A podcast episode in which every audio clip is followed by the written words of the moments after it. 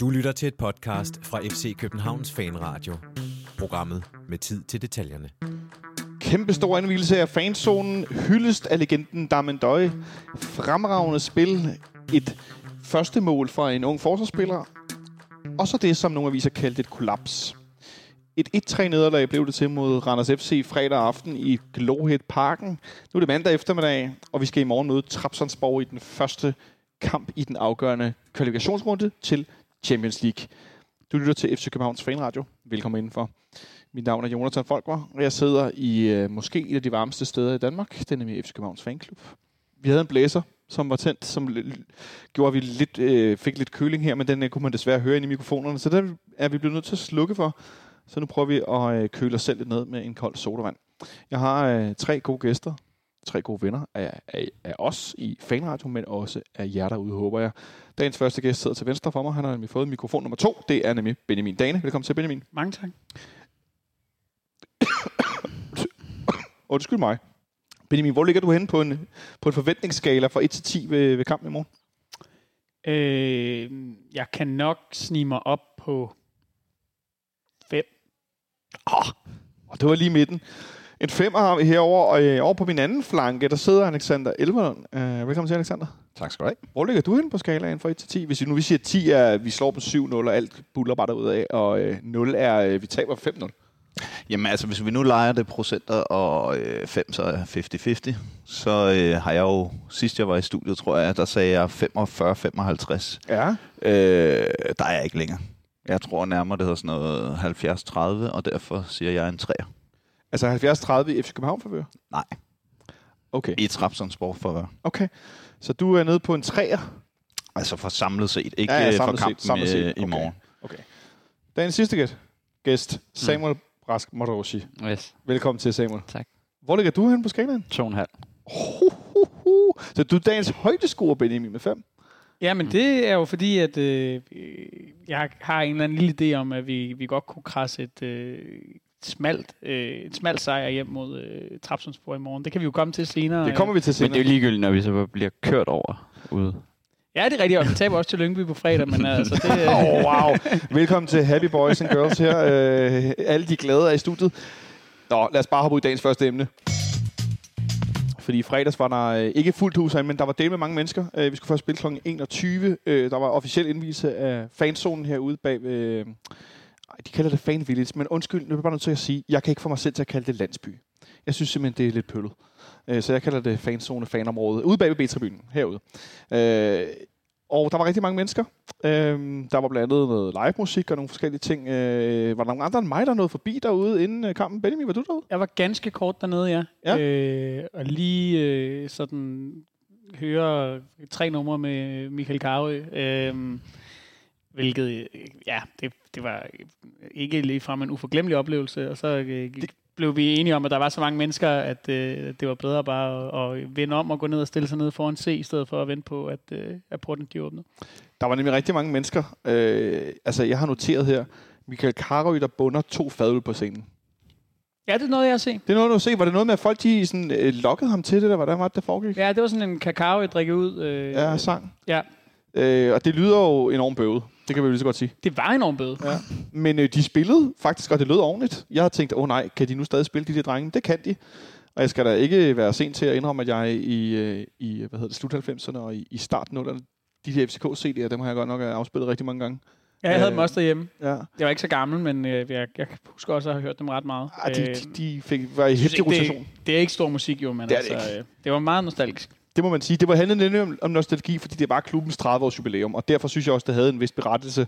For øvrigt ligesom øh, Jokeren, som optrådte i pausen inde i, i parken, øh, så kan man også mene, hvad man vil med lysshow og musik og alt muligt, men jeg synes stadigvæk, når det nu handler om at hylde historien, at det kan mening. Hvad siger du, Samuel? Altså, det var noget af en kontrast til, til sidste fredags øh, kamp, der var herinde. Der var det øh, Pelle Peter og Spectors.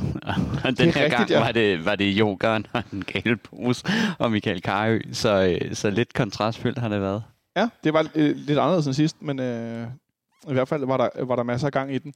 Noget andet, der skete før kampen, Alexander, det var jo den her øh, indlemning af måske en af de allerbedste spillere nogensinde i FC Københavns historie, vores all-time topscorer, Damendøj, som blev indlemmet i øh, FC Københavns øh, Legends Club, som de kalder det. Nogen vil måske kalde det en Hall of Fame.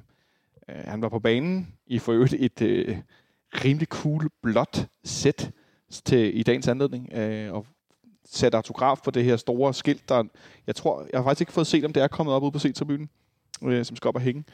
Og øh, så havde de lavet et stort tifo ned på 612, hvor der stod One Love, som Damendøj, han jo ynder at skrive som hashtag på sin Instagram-profil, og også sige rigtig meget. Og han var jo ikke sent til at øh, knibe en tårer, eller rigtig mange. Der var pludselig nogen, der skal løg nede på, øh, på banen, hvor han stod. Hvad siger du til hele den her øh, ja, seance med ham, hvis, hvis vi kan kalde det det?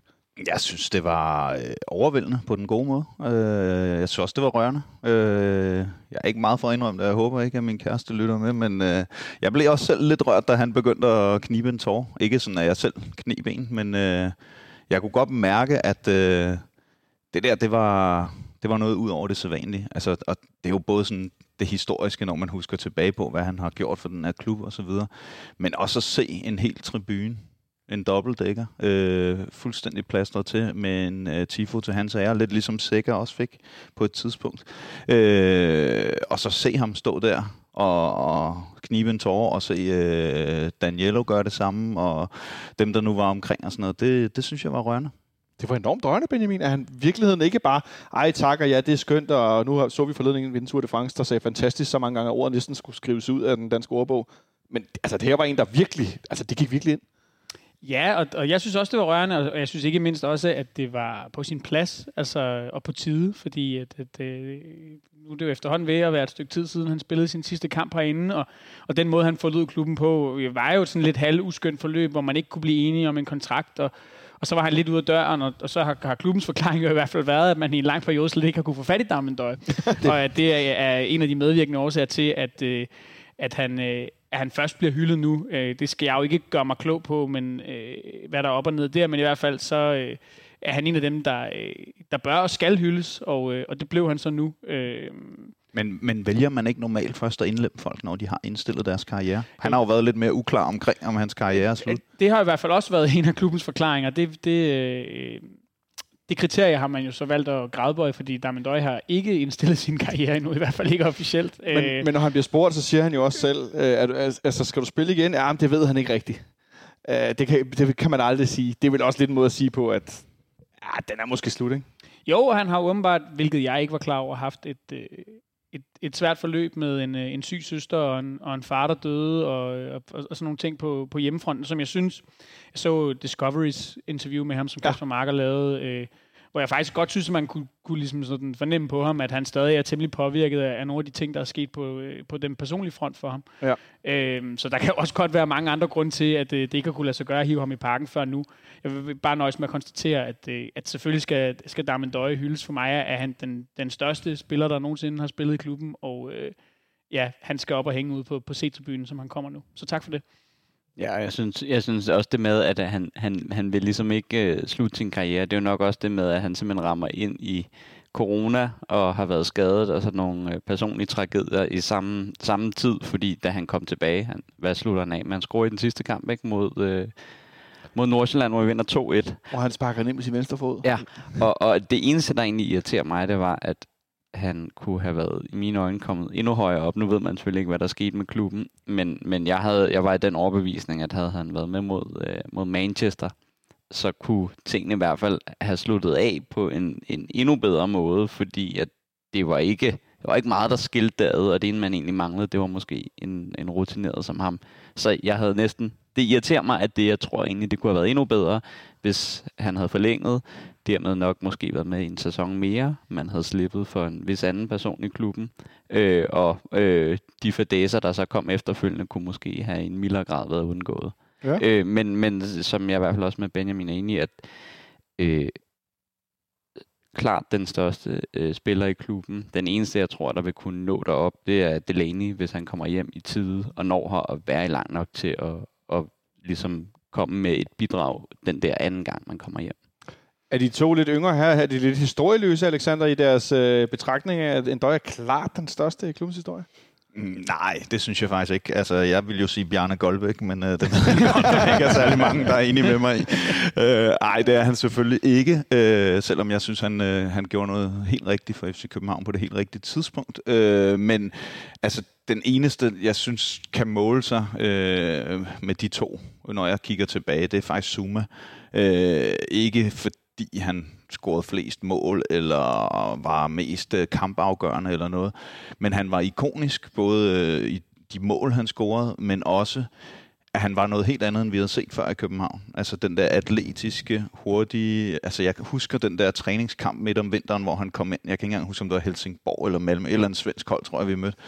Hvor, da han kom ind, og han bare begyndte at løbe. Altså det var sådan noget, det, det havde man bare aldrig set før i København. Det var hurtigt, atletisk, og han altså han blev ligesom symbolet på hele den der periode op til, at vi blev det, vi er i dag, altså med 2001-mesterskabet. Ikke? Ja. Øhm, så, så jeg synes, han, han kommer derop af, øh, Jesper Grønkær er jo blevet kåret til det tidligere, øh, officielt øh, af fanklubben, eller klubben var det, hvis Ej, det der var en lidt underlig kåring. Det var Ja. noget med Unibet og et eller andet. Grønkær skulle kåre som den bedste FCK-spiller nogensinde. Ja, og det, altså jeg kan godt se i, ideen i det, at han kunne, og også, i øvrigt også gjorde i København, men altså sådan, det tror jeg også handlede meget om hans samlede karriere, ikke? at man var sådan lidt imponeret over, at han var så god, og alligevel kom til København og fortsatte med at være så god. Mm. Øhm, ja, Der er mange ombud. Øh, Smølle fik også nævnt øh, Christian Lønstrup den anden dag.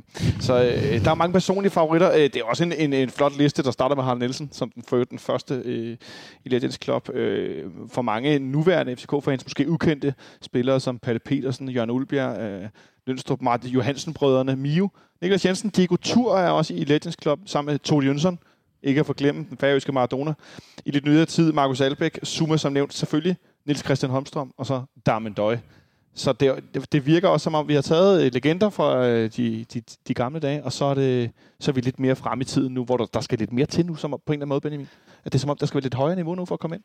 Ja, altså jeg, jeg må indrømme, jeg kan ikke øh, helt gennemskue med, sådan, med hvilke intervaller og efter hvilke kriterier, at, øh, at klubben de vælger øh, at uddele det her. Det, det var som om, at da man introducerede konceptet, så, øh, så, så tog man en, øh, en, en god gruppe på, øh, på samme tid, mere eller mindre, og så var der en periode, hvor man efterindlemmede et par stykker, og så er det som om, der er blevet længere og længere imellem, og øh, jeg kunne da sikkert godt, øh, hvis jeg tænkte mig om, finde en eller to eller tre andre, som, øh, som, mangler at, at, at blive puttet ind i den her klub. Ja, det overrasker mig faktisk lige, da, da, da den, den spiller med allerflest kampe i klubben ikke er på. William Kvist? Ja. Ja. Altså som bare en, en, en, eksempel, sådan, ja. en, en tanke med, øh, altså, og han er jo altså, øh, altså signifikant foran øh, den, hvad er det, Hjalte, der er nummer to?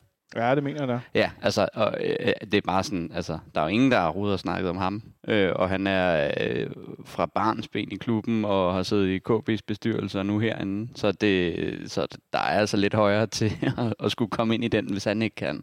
Men øh, han er jo så i klubben nu, kan man sige, i bestyrelsen, og det er måske sådan lidt, man tænker, ah, når han engang stopper øh, i bestyrelsen, så kunne det være. Altså, der er jo en anden en, jeg synes, der er meget mere oplagt, og det kommer så bare ikke til at ske lige nu og her. Men ja. det er vores foregående træner. Øh, altså, han er jo måske en af de største legender overhovedet i FC København. Altså, det han har skabt gennem hvad, 13 sæsoner, eller hvor meget det er sammenlagt, den definition af FC København som stor klub øh, og europæisk magtfaktor. Øh, altså, det er jo en no-brainer, og jeg ved godt, det kommer ikke til at ske med, med den nuværende ledelse, men... Øh, Eller med de nuværende ejere, for den Nej. skyld. Ja, men det er jo også primært dem, jeg tænker på. Øhm, men men øh, det er jo ikke sikkert, de er der altid, øh, og, og han fortjener om nogen en plads i Legends Club. Må ikke det sker en dag, man får klinket skovene, og s- stå det også bliver indlemmet. Jeg tror det i hvert fald. Thanks for tuning in to FC Copenhagen Fan Radio. You're listening to Atiba Hutchinson. Du lytter nemlig til FC Københavns Fanradio. Nu skal vi tale om en fodboldkamp, som er lidt speciel, Benjamin. Du har gravet en masse tal, og normalt så gør vi jo det, at vi relativt, øh, nogen vil kalde det slavisk, kronologisk gennemgår de her kampe, vi har spillet for at skabe en fortælling om, hvad var det egentlig, vi oplevede. Øh, jeg vil først og fremmest bare lige indskyde, jeg er glad for, at vi ikke optager dagen efter, vi spillede den her kamp i fredags. Fordi så havde jeg simpelthen været for rasende. Også dagen efter. Jeg var virkelig, virkelig gal, i, selvom jeg havde togmænd i lørdags. Jeg var, jeg, var, jeg var faktisk rigtig sur. Øh, det gik så ud over min kæreste i stedet for. Så hun sagde, at jeg skulle lukke røven til sidst. Det gjorde jeg så. øh, men, men altså, det, det, sad virkelig i mig. Øh, men Benjamin, du har jo egentlig mig øh, i løbet af dagen noget klogere på, at øh, sådan ren øh, talmæssigt, så spillede vi jo en skidegod kamp. Ja, det gjorde vi absolut, og øh, øh, jeg stod jo også personligt med den fornemmelse i pausen. Øh, jeg tror endda, jeg sagde det højt til dem, jeg, øh, jeg stod sammen med. Måske skrev jeg det endda også inde i, i den fællestråd, vi har for, for fanradioen her, at, at jeg følte mig ret sikker på, at hvis vi, øh, hvis vi lavede en, øh, en anden halvleg, der så ud som den første halvleg, vi lige havde spillet, øh, hvor vi havde et par store chancer, blandt andet med Pep Biel alene igennem med, øh, med Patrick Karlgren og øh, Lukas Lea, som, øh, hvor, hvor han Karlgren igen hiver en refleksredning frem fra, mm. øh, fra, fra meget, meget kort afstand, at så vil Randers simpelthen ikke være i stand til at, øh, at, at stå imod. Øh, jeg tror, at boldbetiden var oppe i nærheden af at hæve noget med 70-30. Altså, vi havde dem trykket fuldstændig ned. Vi havde klart flest afslutninger. Øh, vi havde rigtig mange tilløb til ting, hvor at det var som om, at sådan, den sidste aflevering lige manglede. Øhm, og, og så kommer vi ud efter pausen og får en, en drømmestart jo med det her mål på en, på en dødbold for Valdemar Lund. Øhm, og, og så skal vi jo nok lidt senere snakke om, om det her med, at, øh, at, at det her hold så åbenbart øh, igen kan, kan kollapse så, så relativt nemt. Der skal altså ikke ret meget til, før at, øh, at hele korthuset det vælter. Øh, og, og, og så gik der vel ikke andet end 12 minutter fra det første mål til det tredje. Det er en, en ret øh, speciel situation, Samuel, at vi nogle, nogle gange... Det, det gik, der gik lidt længere tid mellem alle målene i Viborg, men den her fornemmelse, eller i hvert fald oplevelse af, at, at det, det, den her slange, det her korthus, som nogle gange nærmest er limet sammen med, med beton, der kan tåle en, øh, et lavaudbrud, og andre gange, så skal der nærmest bare en sommerfugl, der sætter sig på det, så, så ligger det hele så ned. Fordi vi spiller en første halvleg, hvor der er virkelig meget bevægelse, der er energi, der er løb, der rammer sig går ud sammen med VK. Øh, vi spiller i det hele taget ja, rigtig godt. Ja, ja, altså vi, vi, vi kommer ind til kampene med, man kan sige, vi har vores gode halvleg, øh, selvom vi ikke kommer foran, så, øh, så har vi sådan forholdsvis meget styr på det, øh, og selv også med de, øh, med de skader, der kommer i løbet af første halvleg, får vi stadigvæk, øh, hvad kan man sige, holde sammen på det hele. Øhm, og spiller jo egentlig den der kamp, hvor man siger, øh, har vi den samme gode halvleg, så skal vi nok få tre point. Ja. Øhm, og så er det jo lidt det der med, at øh, at der er ikke rigtig noget mudret billede. Der er ikke den her med folk, der falder sammen, eller noget, der sådan er, er helt rædderligt. Så derfor går man jo også ind til anden halvleg med sådan en, en, en god, øh, god fornemmelse. En god fornemmelse i pausen. Øh, nu, altså, nu var både Benjamin og Samuel inde på det, øh, at Krutolava bliver i første omgang skadet. Han, hvis jeg ikke husker forkert, så øh, øh, tager han sig tidligere øh, sted til kroppen, eller sådan, der er en situation, og spiller han videre. Han tager sig til skulderen. Til skulderen, og så ender han med at sætte sig ned, ikke? Øh, og bliver så udskiftet efter 24 minutter med Valdemar Lund. Øh, og endnu værre, synes jeg, øh, det, eller det er problematisk, vi har, vi har, så det gør så godt, vi har valgt Lund på bænken. Det skulle han slet ikke have været. Så bliver Peter Ankersen ukomdygtig, og Valdemar Lund er så med på bænken, så han kan komme ind, og tak for det. Øh, ham skal vi nok også vinde. Øh, og så fem minutter efter, så må Darami lægge sig ned øh, og nærmest tage trøjen over hovedet med det samme. Ser meget ulykkelig ud, bliver udskiftet. Øh, går direkte omklædningsrummet. Øh, tager sig til lysken, låret, Ja, altså det der, det der kører på, på rygteplan lige nu, øh, blandt andet fra, fra vores kolleger Copenhagen Sundays, det er jo, at der skulle være tale om en eller anden form for forstrækning fiberskade, og okay. det er altså låret, det, det er galt med.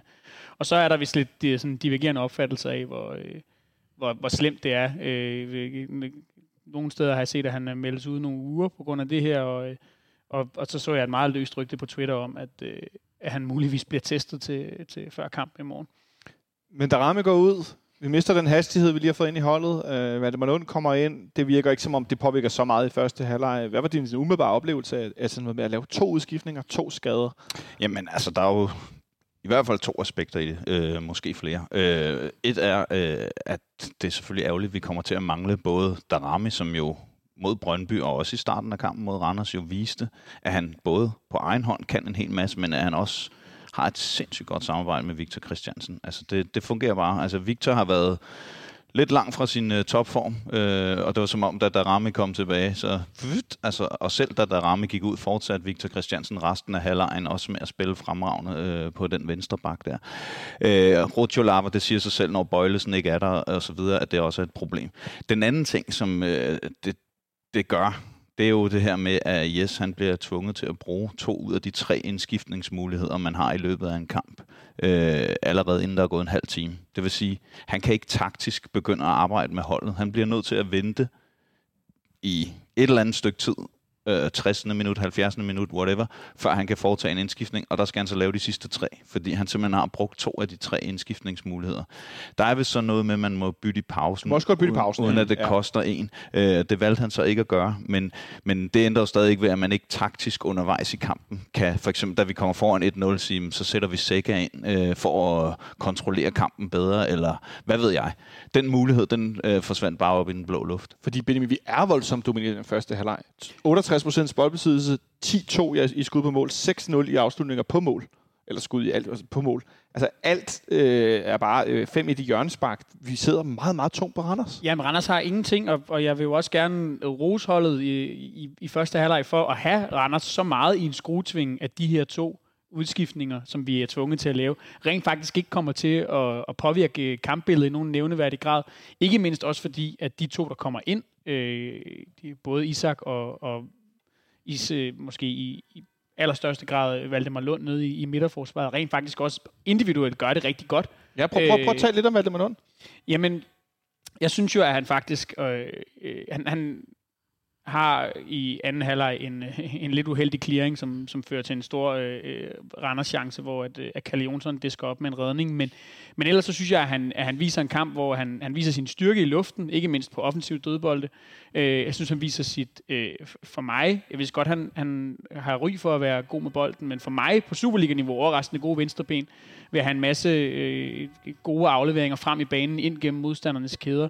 Og så lignede han bare ikke en spiller, der, der stort set ikke har spillet. Øh, jeg synes i hvert fald, det er svært at sidde bagefter, når øh, vi taler om, om, om det her, skal til at tale om det her kollaps. Altså selvfølgelig kan det godt være, at det spiller en rolle, at der kommer en så ung og uerfaren spiller ind i bagkæden. Det vil jeg ikke afvise, men, men jeg synes ikke, at man kan pege på hans individuelle præstation og sige, det var det, der gik galt. Nej, det kan jeg godt øh, det sidste især føle, det her med, at det var ikke sådan, at da han, øh, altså bolden løber under hans fod, eller han, der er en mand, der får lov at sætte ham fuldstændig i en dribling eller lave tunnel på ham, eller sådan et eller andet. Altså det er ikke sådan en stor individuel fejl fra hans side, der i hvert fald fører til nogle mål. Det var der andre, der øh, formåede. Øh, men vi kommer foran, Samuel, Mm. øh, efter 46 minutter. Øh, jeg nåede nærmest ikke engang at kigge op for den, øh, den, den øl, jeg havde hentet i pausen. Jeg bestilte for øvrigt. Nu har jeg også prøvet at bestille vold, Samuel. Mm. Vi bestilte fem burger, og de dukkede op lige midt i, at vi hyldede Darmendøj, og så hentede vi dem bagefter, og de var varme. Mm. Spiste vi en burger. Mm. Altså, det virkede bare. Ja. Det vil jeg sige. Det var fandme fedt. Ja.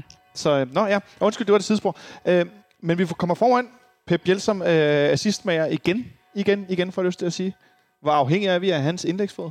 Øh, meget. Øh, Jeg sad også bare lige og kiggede øh, stats, både fordi der var en artikel om ham tidligere, hvor der stod et eller andet, med, jeg tror han har lavet 18 mål og et eller andet sidste, sidste sæson, og jeg tænkte, at det må være et eller andet akkumuleret for hans øh, tid i klubben. Nej. Men jeg tror, han laver 18 mål og 15 assist sidste sæson, ikke? Og i, i Superligaen, der står han med, hvad, øh, fire mål og to assist, må det være, Ja. indtil videre. Øh, så han er ligesom, øh, hvad kan man sige, den der Robert Skov øh, talisman for, for den tid. Så jeg tror, at hvis vi, øh, hvis vi mister Pep Biel, så er det ligesom det, der, der kommer til at definere vores, øh, hvad kan man sige, sæson. Øh, Det, det er voldsomt ord. Ja, men det, Ja. det tror jeg, fordi at det er både, øh, øh, hvad kan man sige, dødboldsmæssigt, der er, ser jeg ikke rigtig nogen øh, sådan større aftager til ham, og, øh, og det med at være målfarlig, øh, øh, der synes jeg egentlig kun, at det har været ham og Havkon, der har haft øh, de større chancer den her sæson. Havkon har været uheldig, han kunne godt have skruet 2-3 mål, øh, men ellers så synes jeg, at de fleste ting er tilfaldet Pep Biel. Øh, Mhm. Så derfor så, så, øh, så er jeg meget øh, skeptisk for vores videre sæson, hvis han er væk. Han har for øvrigt 18-12 i sidste sæson. Den tør. Det er voldsomt. Benjamin? Jeg kan supplere med, at øh, hvis man kigger på øh, øh, den, den rangering, der hedder Expected Goals and Assists, øh, som, som Wisecout fører for, øh, for den nye sæson i Superligaen, så øh, ligger øh, Pep Biel på øh, 5,63, og øh, nummer to øh, på listen for øvrigt Victor Claesson, øh, der skal du helt ned på 3,17. Øh, bare for ligesom at illustrere, at han ligger altså 2,5 øh, hvad hedder det, expected goals and assist højere end nummer to i Superligaen. Øh, det, det er et helt vildt output, han har haft i, i sæsonstarten her. Ja, og, og bare i, i kampen mod Randers har han jo fire gode muligheder. To af dem større end de to andre. Øh, to i starten, og så har han to der mellem 2-1-målet og 3-1-målet, tror jeg det er. Øh, hovedstød i sidenettet og et, Ja. øh, en helflugter lige forbi stolpen, hvor Karlgren er fuldstændig prisgivet, hvis den havde været inden for rammen. Ja, den, hvis det bare var noget gå ind, den er helt Øh. Og, og i forlængelse af det, så synes jeg jo også godt, øh, og der, så øh, er man jo selvfølgelig, øh, vores lyttere derude er jo velkommen til at mene, hvad de vil, men, men for mig personligt, øh, så, så mener jeg, at den her snak om, hvorvidt at Pep Biel kan fungere i den her falsk rolle altså den bør være endegyldigt parkeret, øh, for, fordi han har spillet fantastisk i lige præcis den rolle her i starten af sæsonen, at øh, holdet så som helhed har været øh, elendigt, det, det, det synes jeg ikke har ret meget med, med, med vores kære Spanier at gøre. Og han har begyndt, Samuel, bare lige for at følge op på det, Benjamin siger, at bevæge sig ind i de der positioner, hvor en nier spiller. Nogle, ja. nogle gange. Altså som, som Alexander er inde på, det her hovedstød sydnettet, det er ingen mål, der laver mod Brøndby på forreste stolpe med at komme altså, på den, altså, det, det, er jo sådan noget, sådan nogle tab-in-mål også og sådan noget. Ja, og det, det som jeg øh, spekulerede på på arbejdet i dag, produktiviteten har ikke lige været den højeste, det var jo også, at øh, det vi så gør, når vi kommer bagud, det er jo egentlig, at vi sætter ikke øh, anderledes typer end en Pep Biel. Vi sætter ind i de samme typer, bare enten med en større fysik eller noget andet. Så det er jo også det, der er måske, nu, nu er vi lidt over i noget kritik, men det med, at det vi egentlig sætter ind, når vi skal angribe, når vi er bagud, det er noget, som egentlig minder om det Pep Biel kan. Det vil sige, at vi bringer ikke noget nyt. Vi bringer måske bare Babacar med lidt større fysik, men han bliver jo ikke spillet med den fysik, han har. Man spiller jo som om, at det er Pep Biel, der står dernede. Så det er jo også lidt det her med, at vi har kun ham til at bringe i den position, fordi altså, øh, øh, Babacar, han fungerer ikke rigtigt. Der er ikke meget output fra ham. Øh, Mokayo spiller ikke. Øh, Nikolaj Jørgensen er ham ikke mere. Øh, Oi, han, øh, han, han spiller jo 19 fodbold, ikke? Karamoko er ikke i truppen. Øh, præcis, ikke? Øh, var han var i truppen? Det var han faktisk. Nå, det var han. Men, men så der ligger, der, vi har ligesom ikke en, en dimensional modsætning, øh, som, øh, som øh, vi, vi ser bare, nu sad jeg lige og kiggede på øh, angriber i andre klubber, øh, et, et stort brød. Øh, det har vi jo ikke rigtigt. Nej, der er ikke noget alternativ. Nej. Jo, måske i midterforsvaret. Ja. Så kan vi sætte et stort brød ind. Øh, men det efterlader os i hvert fald med 1-0-føring, Alexander. Plus er vi, er vi foran. Øh, det ser jo egentlig, som Benjamin har været inde på, vi spiller en fantastisk første halvleg. Kommer vi foran efter 1 minut anden halvleg. Så ser det sgu da meget godt ud. Fredag aften, kvadet er koldt, det er 26 grader.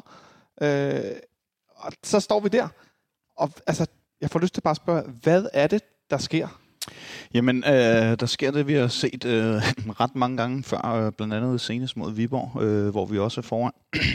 og, øh, og så får vi det her, øh, altså jeg vil jo ikke kalde det et kollaps, fordi for mig at se så et kollaps, det er over, altså fra det starter, og så kampen ud -agtigt. Altså så kollapser man fuldstændig. Men vi har de der totalt vilde udfald. Og i det her, den her situation, der var det 19 minutter. Nu har jeg lige siddet og set highlights her, inden jeg kom ind. Efter 50 minutter, der laver Valdemar Lund den her lidt uheldige clearing. Og så kommer der yderligere tre chancer, som de scorer på. Øh, og den sidste, det er så efter øh, 79 øh, 69 ja. minutter. Og det vil sige, 19 minutter, der giver vi de fire eneste chancer væk, som Randers har inden for målrammen. Øh, og de scorer på tre af dem. Øh, og ellers dominerer vi jo kampen stort. Og det, altså, det må bare ikke ske, at man øh, falder fuldstændig ud af mental balance, som jeg jo særligt synes, der er en spiller, der gør i den her kamp. Ja, det kan vi, det kan vi lige komme ind på om et øjeblik. Du markerede, Benjamin.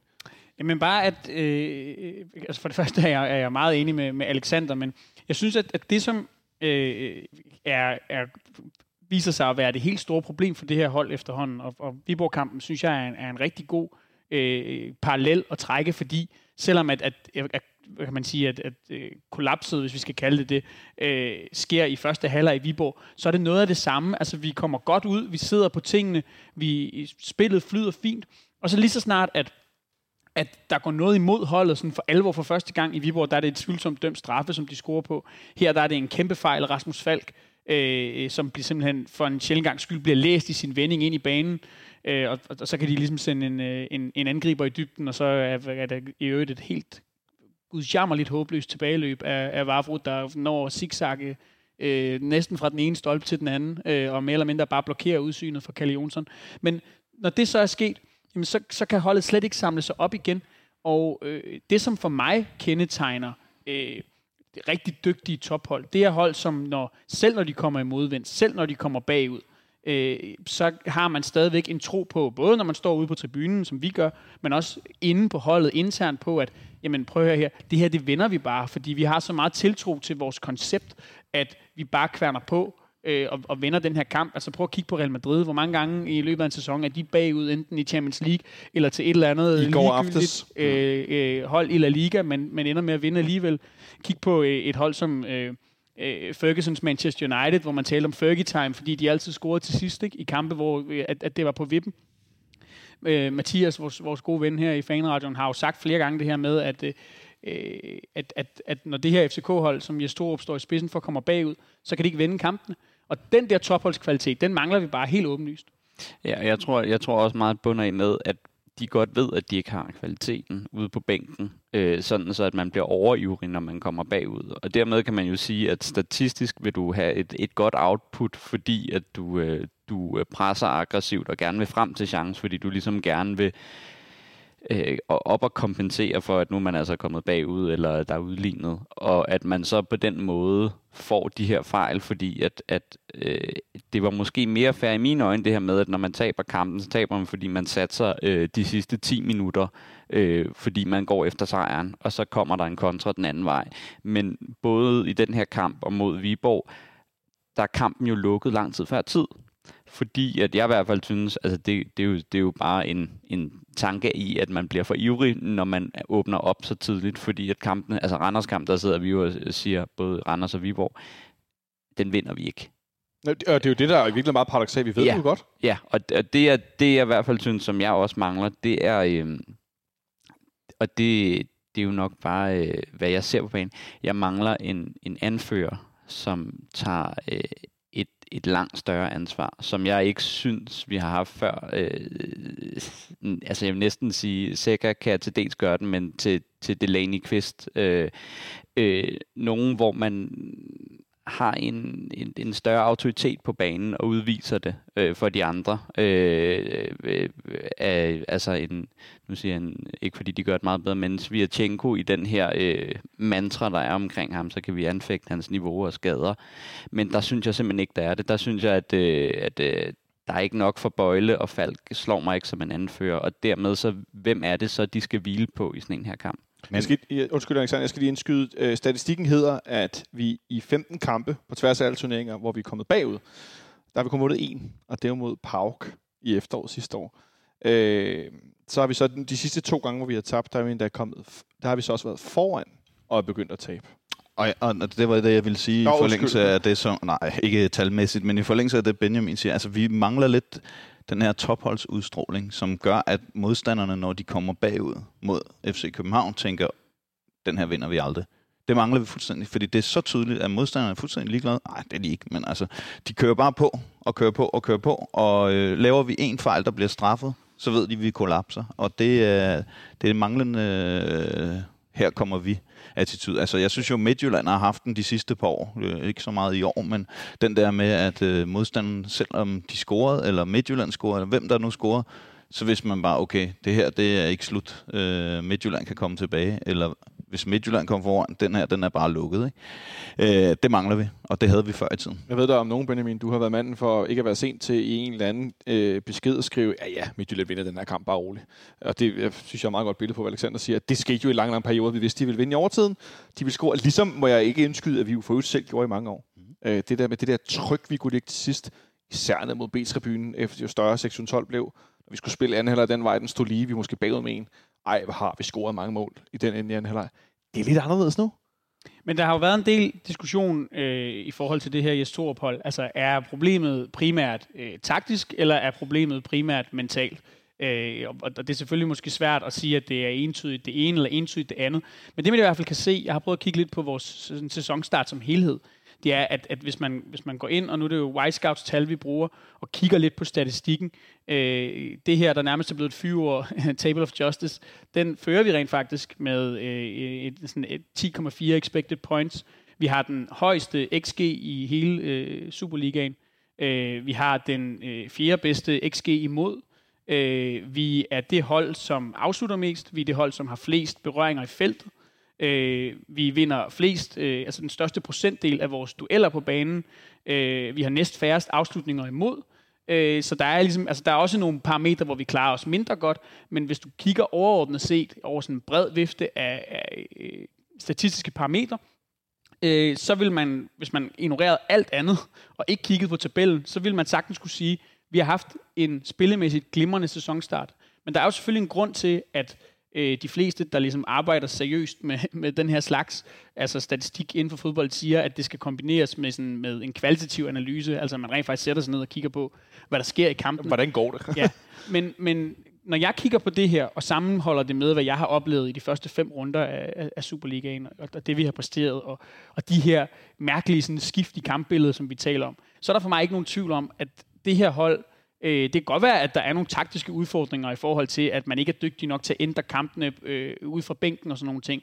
Men som udgangspunkt, så øh, fungerer det, man vil. Øh, det tyder også på en lidt mere, man forsøger at spille lidt mere boldbesiddelse, end man gjorde i, i sidste sæson.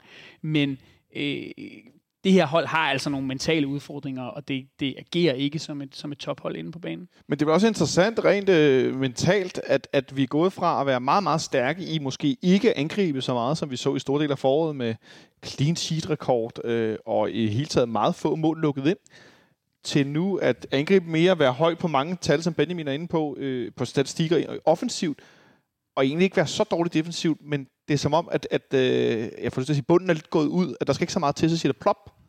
Ja, 100 procent. Det, det har vi jo været inde på, det her med det mentale. Og øh, altså, jeg, jeg er lidt imod, at man afskriver resultater med, det var en freak kamp, og det var en freak kamp osv.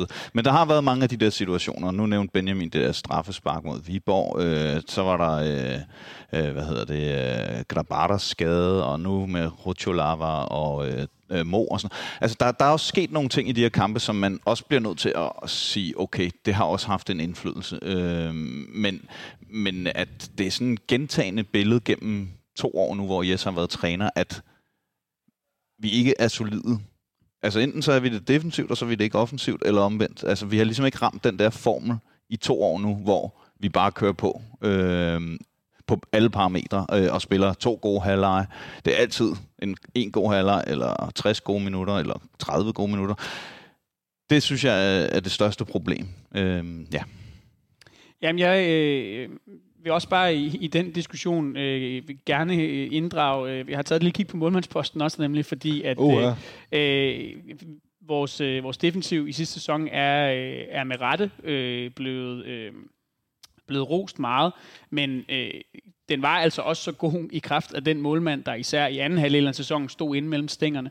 Øh, hvis man kigger på, øh, på det, som, som Grabata han præsterede i sidste sæson, så har Wisecout et stat, der hedder prevented goals, altså simpelthen, hvor mange øh, øh, mål øh, forhindrer den her målmand i, i løbet af en sæson. Og øh, der var øh, Grabata absolut topscorer i, øh, i sidste Superliga-sæson. Han forhindrede 10 mål øh, i alt, ifølge øh, Wisecout. Og, og du kan altså godt på det her parameter også have en negativ score. Oh. Og hvis man kigger på den nye sæson, øh, så i, øh, i de kampe, som Kalle Jonsson han har stået øh, efter, at, øh, at Grabata blev skadet, der ligger han altså på minus 2,69 øh, i den samme statistik. Patrick Karlgren, der stod herinde i fredags, er i øvrigt helt suverænt og helt vildt den bedst præsterende keeper i den nye sæson. Han har allerede forhindret fem øh, modstanderscoringer. Ja. Og, øh, og de eneste, der, der ligger ringere end øh, øh, Kalle Jonsson på, på, i den her statistik, det er Hans Christian Bernat, som er blevet ja. kasseret i OB, og så er det Frederik Gibson øh, oppe, i, øh, oppe i Lyngby. Øh, og det er altså de eneste to, som, øh, som, som underpræsterer vores målmand lige nu. Og, og når, nu har jeg siddet og kigget de her ni mål igennem, igennem som øh, Kalle allerede har, øh, har, har lukket ind. Og det er ikke dem alle sammen, der er drop. Altså, han har lavet et regulært drop mod Brøndby, det her langskud. Så har han et 3-1-mål herinde i fredags, hvor han ser rigtig skidt ud øh, på hjørnesparket. Altså han skal simpelthen, enten så skal han blive inde på stregen, så han har en mulighed for at tage den her, eller så skal han ud i feltet og bokse. Og han ender med sådan at, at træde en meter ud af målet, og så stopper han. Og så ender der med at være en af vores forsvarsspillere øh, imellem ham og så Randers-spilleren, der, ja. øh, der scorer. Men han har ikke nogen chance for at gøre noget ved det, fordi han har bragt sig selv på mellemhånd. Men, men ud over de to, så er der også bare en fornemmelse af, han har ikke været i nærheden af at redde nogle af de mål, der er gået ind på os. Altså, og, han, og han tager ikke noget. Jeg kan komme i tanke om to gode redninger fra ham. Han har en, da vi får en 4-1, øh, hvor Mathias Kvistgaard sparker efter det korte hjørne. Og så har han den her, vi allerede har talt om, nemlig Valdemar Lund, der, øh, der har en uheldig clearing, og så får han faktisk lavet en god fodparade. Men det er det. Han tager ikke noget ellers. Nej, det er i hvert fald øh, ret, øh, ret stor forskel. Ja, det, det jeg synes, der egentlig er det værste med alt det her, øh, det er statistik, der ligger på det, og det man kan sige, man har været uheldig, og det, det er også de hold, vi har valgt at tabe til. Øh, fordi havde, havde vi nu tabt til, nu siger jeg, øh, Nordsjælland og Silkeborg, som vi måske generelt har haft det svært med, og som også er to rigtig gode hold, altså hvor øh, Horsens, øh, Randers, Viborg, det er hold, som gør mig nervøs, når vi så let kan blive kørt over dem. Fordi har vi blevet kørt over, som vi nogle gange så i sidste sæson, taber til, til Nordsjælland, taber til Silkeborg, taber til Midtjylland, så vil det være mere fair, og så kan jeg bedre leve med det, fordi at øh, jeg anser dem som bedre hold. Men når vi har den her, øh, den her, hvad kan vi sige, de kommende seks runder, der hedder det to gange Trapsonsborg, så er det OB og Lyngby, og så er det øh, Nordsjælland og Silkeborg, vi skal møde de seks runder. Og der kan man jo som en også gøre ind på sidelinjen, dele dem meget op i, i, i sådan øh, tre kategorier. Ikke? Ja, ja. Øh, Silkeborg og Nordsjælland, øh, hvordan klarer vi så mod dem? Og så er der øh, øh, Lyngby OB, hvordan klarer vi os mod dem? Og man kan sige, de to øh, bedste hold, som ligger nummer et og to, øh, dem er der måske en sandsynlighed for, at vi kan klare os bedre mod, fordi at de spiller mod os, hvor mod Lyngby og, øh, og OB vil stille sig ned, og det er jo egentlig det, vi har haft lidt problemer med. Og så de to uh, Trabzonspor-kampe. Så jeg tænker jo også, det er det, der egentlig måske rigtig meget kommer til at definere, hvordan truppen og øh, Yes står i forhold til det. Og så efter det, så møder vi lige Midtjylland på udebane. Det gør vi nemlig, fordi det, som, det, det, som jo er, er det store problem, øh, hvis vi skal tale, nu er vi jo i gang med at tale om sæsonstarten i sådan et lidt bredere perspektiv, det er. Ja. jo, at man har jo man har taget den her faktisk enormt bløde start, man fik serveret i Superligaen, og så har man jo kastet den fuldstændig ud af vinduet, øh, fordi at, øh, at, at lige om lidt, så er der spillet en, en fjerdedel af, af grundspillet allerede. Øh, der er allerede et solidt hul op til, til, til førstepladsen, og nu begynder de nemlig at komme, de her. Vi skal til Herning, vi har Derby på udebane, vi har inden for en måned har vi øh, FC Nordsjælland, som er kommet flyvende fra start to gange, både på hjemme- og udebane. Vi har Silkeborg, øh, altså, og vi skal også til Randers, øh, hvad hedder det, ude i, i slutningen af oktober. Så, altså sådan, det begynder bare at, at, at se svært ud nu, og det vil sige, at, at, at det er jo ikke fordi, at efterslæbet øh, skal indhentes efter et svært startprogram. Det, det er tværtimod nu, at nogle af de svære kampe begynder at komme. Vi har efter fem kampe 6 point. En dansk mester har aldrig haft 6 point efter fem kampe. Heller ikke have følge. Der er aldrig en dansk mester i Superligaen, der har haft 6 point efter fem kampe. Bare som en note. Så lad os øh, bryde, øh, hvis Men- vi skal noget, skal vi bryde den. Så vil jeg bare også bare lige indskyde, øh, inden vi lige sådan afrunder Randers kamp, vi har en målscore på 10. 10 efter fem kampe. Ja, hvad lukkede vi ind i grundspillet sidste sæson? 12, ikke? Eller Ja. ja, 12, ikke? Det er fuldstændig øh, vanvittigt. og vi har allerede tabt tre kampe, og sidste år tabte vi Fire. fire. Ja. Bare ligesom nogle eksempler. Nordsjælland har øvrigt 13 point og en målscore på 8-2. Men, ligesom men sammen. lige Ja. en enkelt ting Kom er med det, trods Alexander. alt, at selvom vi kun har 6 point, så øh, de formodede guldkonkurrenter, de er også kommet dårligt fra start. Øh, jeg ved godt, at folk begynder at snakke om Nordsjælland, og de ser øh, solide ud og sådan noget, men Nordsjælland tror jeg ikke på. Jeg tror mere på Silkeborg, øh, altså hvis vi skulle sige sådan top-top, øh, altså guldkamp, øh, fordi de bare ser øh, bedre ud øh, i konceptet, end Nordsjælland gør.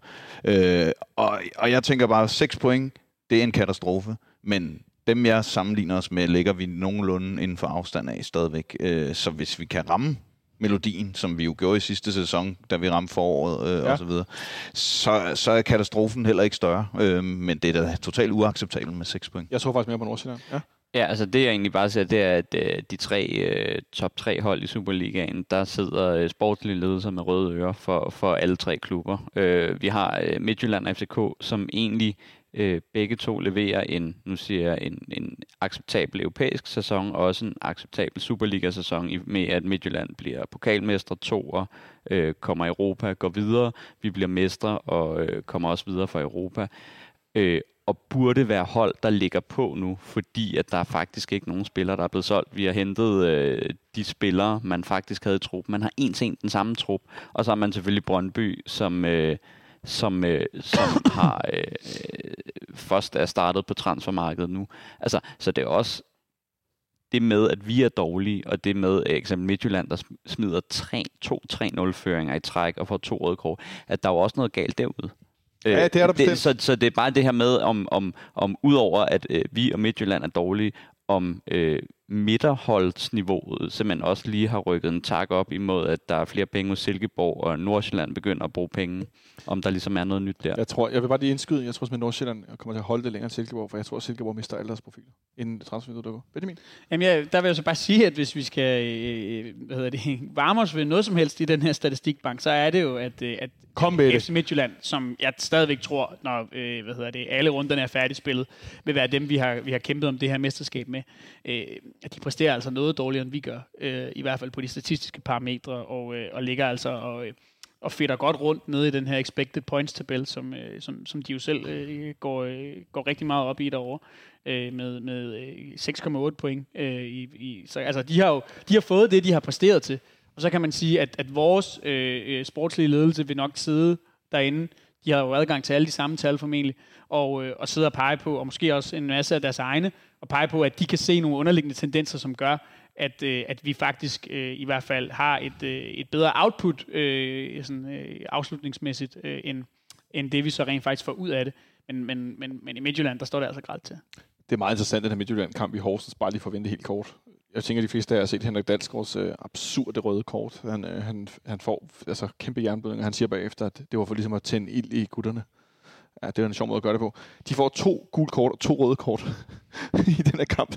Det er fuldstændig vanvittigt, og de tillader 23 skud på mål for Horsens. Men det, der var så skørt ved den her kamp i fredags også, altså bare for ligesom at tage hele ja, ja, ja. ind, det var jo det her med, at, at øh, så havde de indvidet øh, fanzonen herude, og Damon Døj var blevet hyldet, og, og tre sekunder føles det som inden øh, ja. øh, kampstart, så står jeg med min telefon op på C3, øh, hvad hedder det, og, og ser øh, overtiden af den her øh, Horsens Midtjylland-kamp, og kan se dem score det her 3-3 mål, og man kan, sådan, man kan høre det inde på tribunen, og altså, der var bare, altså, alt var disket op, ikke? Øh, hvad hedder det, til en, til en festaften i parken, og, og så kommer der endda den her fine første halvleg, hvor vi er kun har et par store redninger fra at komme foran, og så er der bare nogen, der tager og prikker hul på ballonen, ikke? og så fiser det hele bare ud i ingenting. Og det var du lige kort inde på, Alexander. Hvem var det, der havde de største mentale problemer hos FC København, som du oplevede i fredags mod Randers? Jamen, Benjamin har nævnt ham, øh, Dennis Vavro. Øh, elefanten i rummet. Alle elsker Dennis Vavro. Øh, det gør jeg også selv. Men øh, jeg synes, han var impliceret i alle tre mål, og han var direkte skyld i det første, og måske det tredje. Øh, man kan sige, det andet, den der, det der indlæg, det er inde i hans område. Det, den lander mellem ham og Dix øh, på det hovedstødsmål. De scorer til 2-1. Øh, så der har han jo også et delvist ansvar. Men altså, som øh, Benjamin var inde på, det der løb, han laver ved deres første scoring, er jo helt i hegnet. Hvor han har efterladet en motorvej og løber hen og nærmest blokerer for Valdemar Lund og øh, Kalles udsyn. Og så kan... Øh, er det Kehinde, eller hvem er det, der så lige tager den forbi Rasmus Falk? Og så, øh... Er det ikke Marvin Ego? Jo, okay. Ego, undskyld, ja. Og sparker den ind der. Øh, og, og, og 3-1-målet, jamen altså, der taber han bare slet og ret duellen med, med ham her, Hugo Andersson. Og, og selvom han er et stort brød, øh, og også højere end Vavro, så øh, Vavros helt store styrke, det er jo det fysiske spil, og han er god i luften og så videre. Og det må bare ikke ske så nemt, som det skete der. Øh, og det synes jeg er et kæmpe problem. Og der er Vavro med Bjella, med Bøjlesen, med en klog makker ved sin side, der står han bare, som han skal, snor lige, og så tager han nogle dueller en gang imellem osv. Når han står med Lava til dels, og øh, i hvert fald med Valdemar Lund, som er så ung, så er der i hvert fald ikke nogen til at holde ham i ørerne, øh, fordi Nej. det så helt gralt ud. Og jeg tænkte, det var Rasmus Falks mål det første, men... Øh... Jamen, prøv at Rasmus Falk, der er ingen tvivl om, at han har en stor øh, del af skylden øh, for, at det sker, men han har så højt et anlagt spil, at det kan ske, øh, og jeg vil sige, det sker færre gange øh, for ham, end det måske egentlig burde, fordi han spiller det der risikobetonede ja. spil, men han vender bare altid af på modstanderen, og lige den ene gang kiksede det. Ja, det skal jeg love for. Øh, jeg vil bare, i, i forlængelse af det, som, som Alexander siger om, omkring øh, Vavro, så... Øh, øh, og det her, jeg har, ikke, jeg har ikke fået sammenlignet øh, hans præstationer i denne sæson med sidste sæson, men min personlige fornemmelse, når jeg kigger på ham spille, og her taler jeg ikke kun om kampen i fredags, men om hans sæsonstart generelt, det er, at Vavro øh, ligger væsentligt under det niveau, som han mm. øh, bragede ind i klubben med i, øh, i starten af forårssæsonen. Øh, nu vi taler om, øh, om, om hovedløse beslutninger ved mål, så hvis vi husker tilbage på, på den her reducering, som AB får op i Aalborg, øh, der er Vavros øh, øh, reaktion på, på det her, øh, den her dårlige øh, clearing fra Victor Christiansen, det er at løbe hele vejen ind på mållinjen nærmest og ophæve enhver form for, for mulighed for overhovedet at trække offside. Øh, og jeg synes, der har været flere andre usikkerhedsmomenter og øh, øh, dårlige beslutninger fra hans side, og, og hvor han har... Altså, så har han også lavet nogle gode ting. Altså, han, han havde den her assist mod Brøndby, og, og han, han, han har, jeg synes egentlig, at hans afleveringsspil har set fint ud, men jeg synes, at han øh, lige nu er klart den tredje bedste midterforsvar i FC København.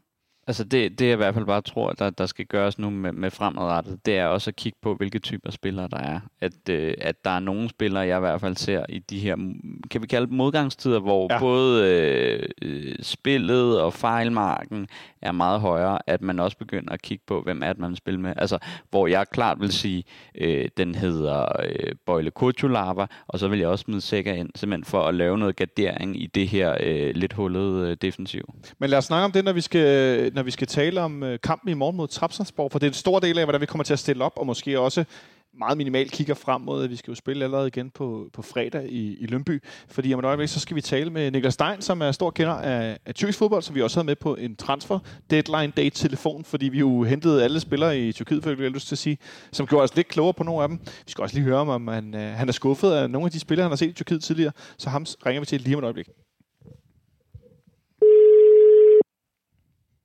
Det er Niklas. Hej Niklas, det er Jonathan Folker fra FC Københavns Fanradio. Hej Jonathan. Hej.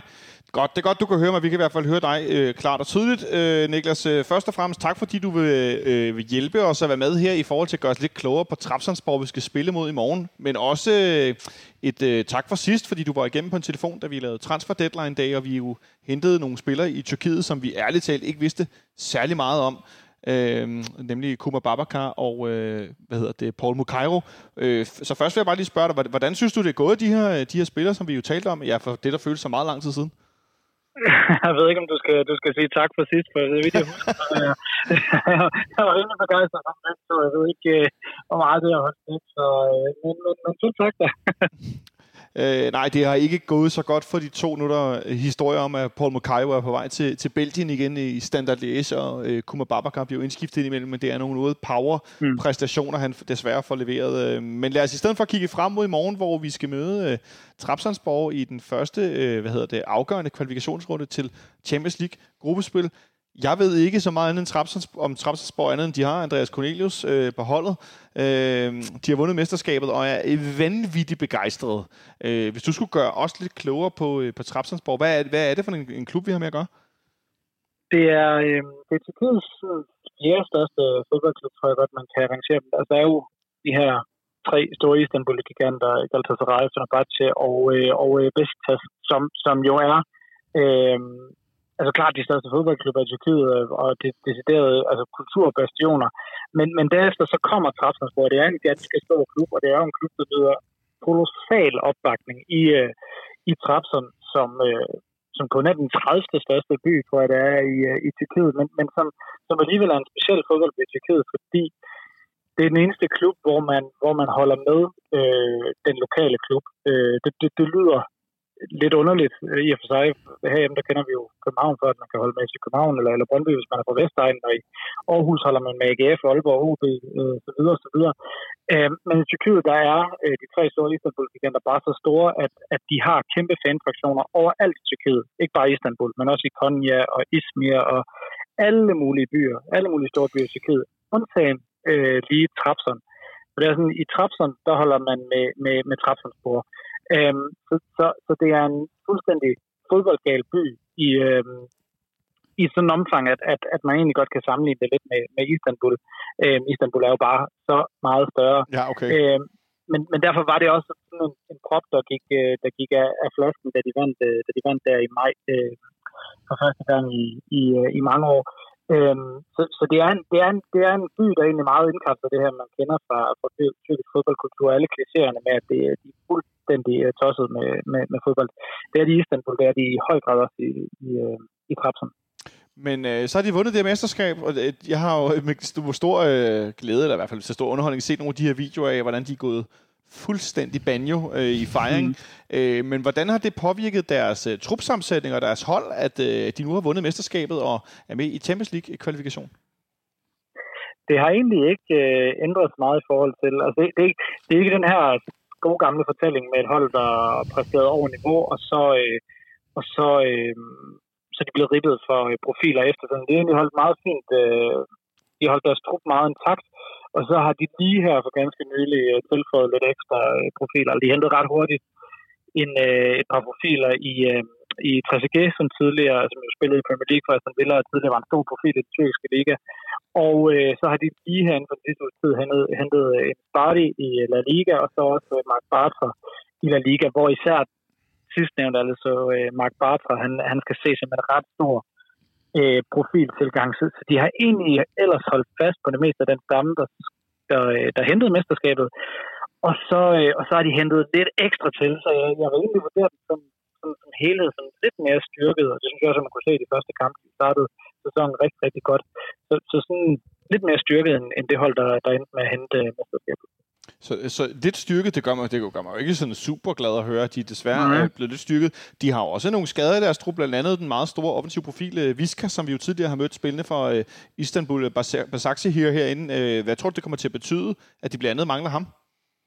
Det, øh, det er et stort slag for, øh, for, for Trabzonspor, fordi Viska har været den ja, nok den bedste spiller i den tyrkiske liga set over de sidste, øh, det sidste han år. Han kom jo ved årsskiftet til Trabzonspor. Forud øh, havde han, han håndforlov i, øh, i Basaksehir, nej faktisk en del år i Basaksehir, hvor han jo var med til, øh, altså bare den drivende motor bag at gøre dem til, til et storhold, også et hold, der jo vandt øh, vandt øh, mesterskabet for to år siden. Øh, og han, var, han nåede også at komme til at være en stor øh, årsag til det, vandt, øh, hvad hedder det mesterskabet. Øh, her, her i maj, så han er, han er øh, jeg synes, han er den bedste spiller i Tyrkiet set over sidste hånd for år, så det er selvfølgelig et enormt stort slag for Trabzonspor, men også, også at de øh, lidt, lidt før vidste jeg mistede øh, Hamsek, øh, Mark Hamsek, som de fleste jo nok kender, øh, fra hans tid i Napoli, øh, og som, øh, øh, jamen, som, som, som egentlig har fundet sådan nogenlunde tilbage til det niveau, han, han viste i Napoli, der var bedst, så det siger sig selv, at det er en enormt stor profil.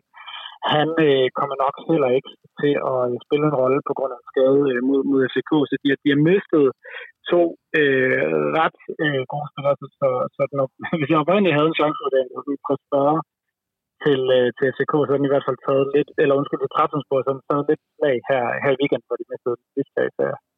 Ja, ikke, altså det er jo lidt mere sød musik i mine ører, vil jeg sige, i forhold til ja, det her ja, med at forstærke sig. Ja, kan man høre. Ja, det er meget godt. Øh, men hvem, hvem altså, en ting er, at vi selvfølgelig kender øh, Jens øh, Stryger Larsen, de har fået ind som forsvarsspiller, mm. som vi ikke er altså, gode venner med herinde, selvfølgelig kvæg hans Brøndby-fortid, men øh, Andreas Cornelius behøver ikke nogen større introduktion. Hvem skal vi ellers holde øje med, Niklas, på det her Trapsonsborg-hold? Hvad, er det for nogle profiler nu, øh, vi skal og ham sikkert ud? Hvem er det, vi skal lægge mærke til? Altså, de har, øh, først og fremmest har de bare Tyrkiets øh, bedste målmand, så, så, så der, er ikke, der er ikke nogen stor svaghed med, med i målet. Men, men min yndlingsspiller hos dem, det er ham, der hedder Abdul Kadir Myr, som, øh, som, som, som er som jeg skrev i den her Twitter for, du nævnte, det er sådan lidt irriterende at skulle, skulle, skulle falde til den kliché. Men, men ja, han er bare så nem at sammenligne med Messi, fordi han, han ligner ham i statur og, og i spillestil. Selvfølgelig ikke i niveau overhovedet, men, men, men, men alligevel sådan lidt tyrkiske standarder. Sådan en unge fra han er 23 år, har, har i lang tid været, været skrevet op som det største talent i Tyrkiet, har været lidt pladeskader, men er ham, som Tyrkiet skal sætte sin lid til øh, som, som spilfordeler og som, som den bedste spiller de næste kommende år, også, også hos Trabzonspor. Han er, han er lokal Trabzon-dreng, så ikke nok med, at han har et enormt højt niveau, øh, top, topniveau, og har en, en, en både en teknik og en, og en fodboldhjerne, som, som få andre i Tyrkiet. Men så bløder han også lidt ekstra for, øh, for emblemet, øh, fordi han kommer fra området og vokset op som Trabzonspor-fan.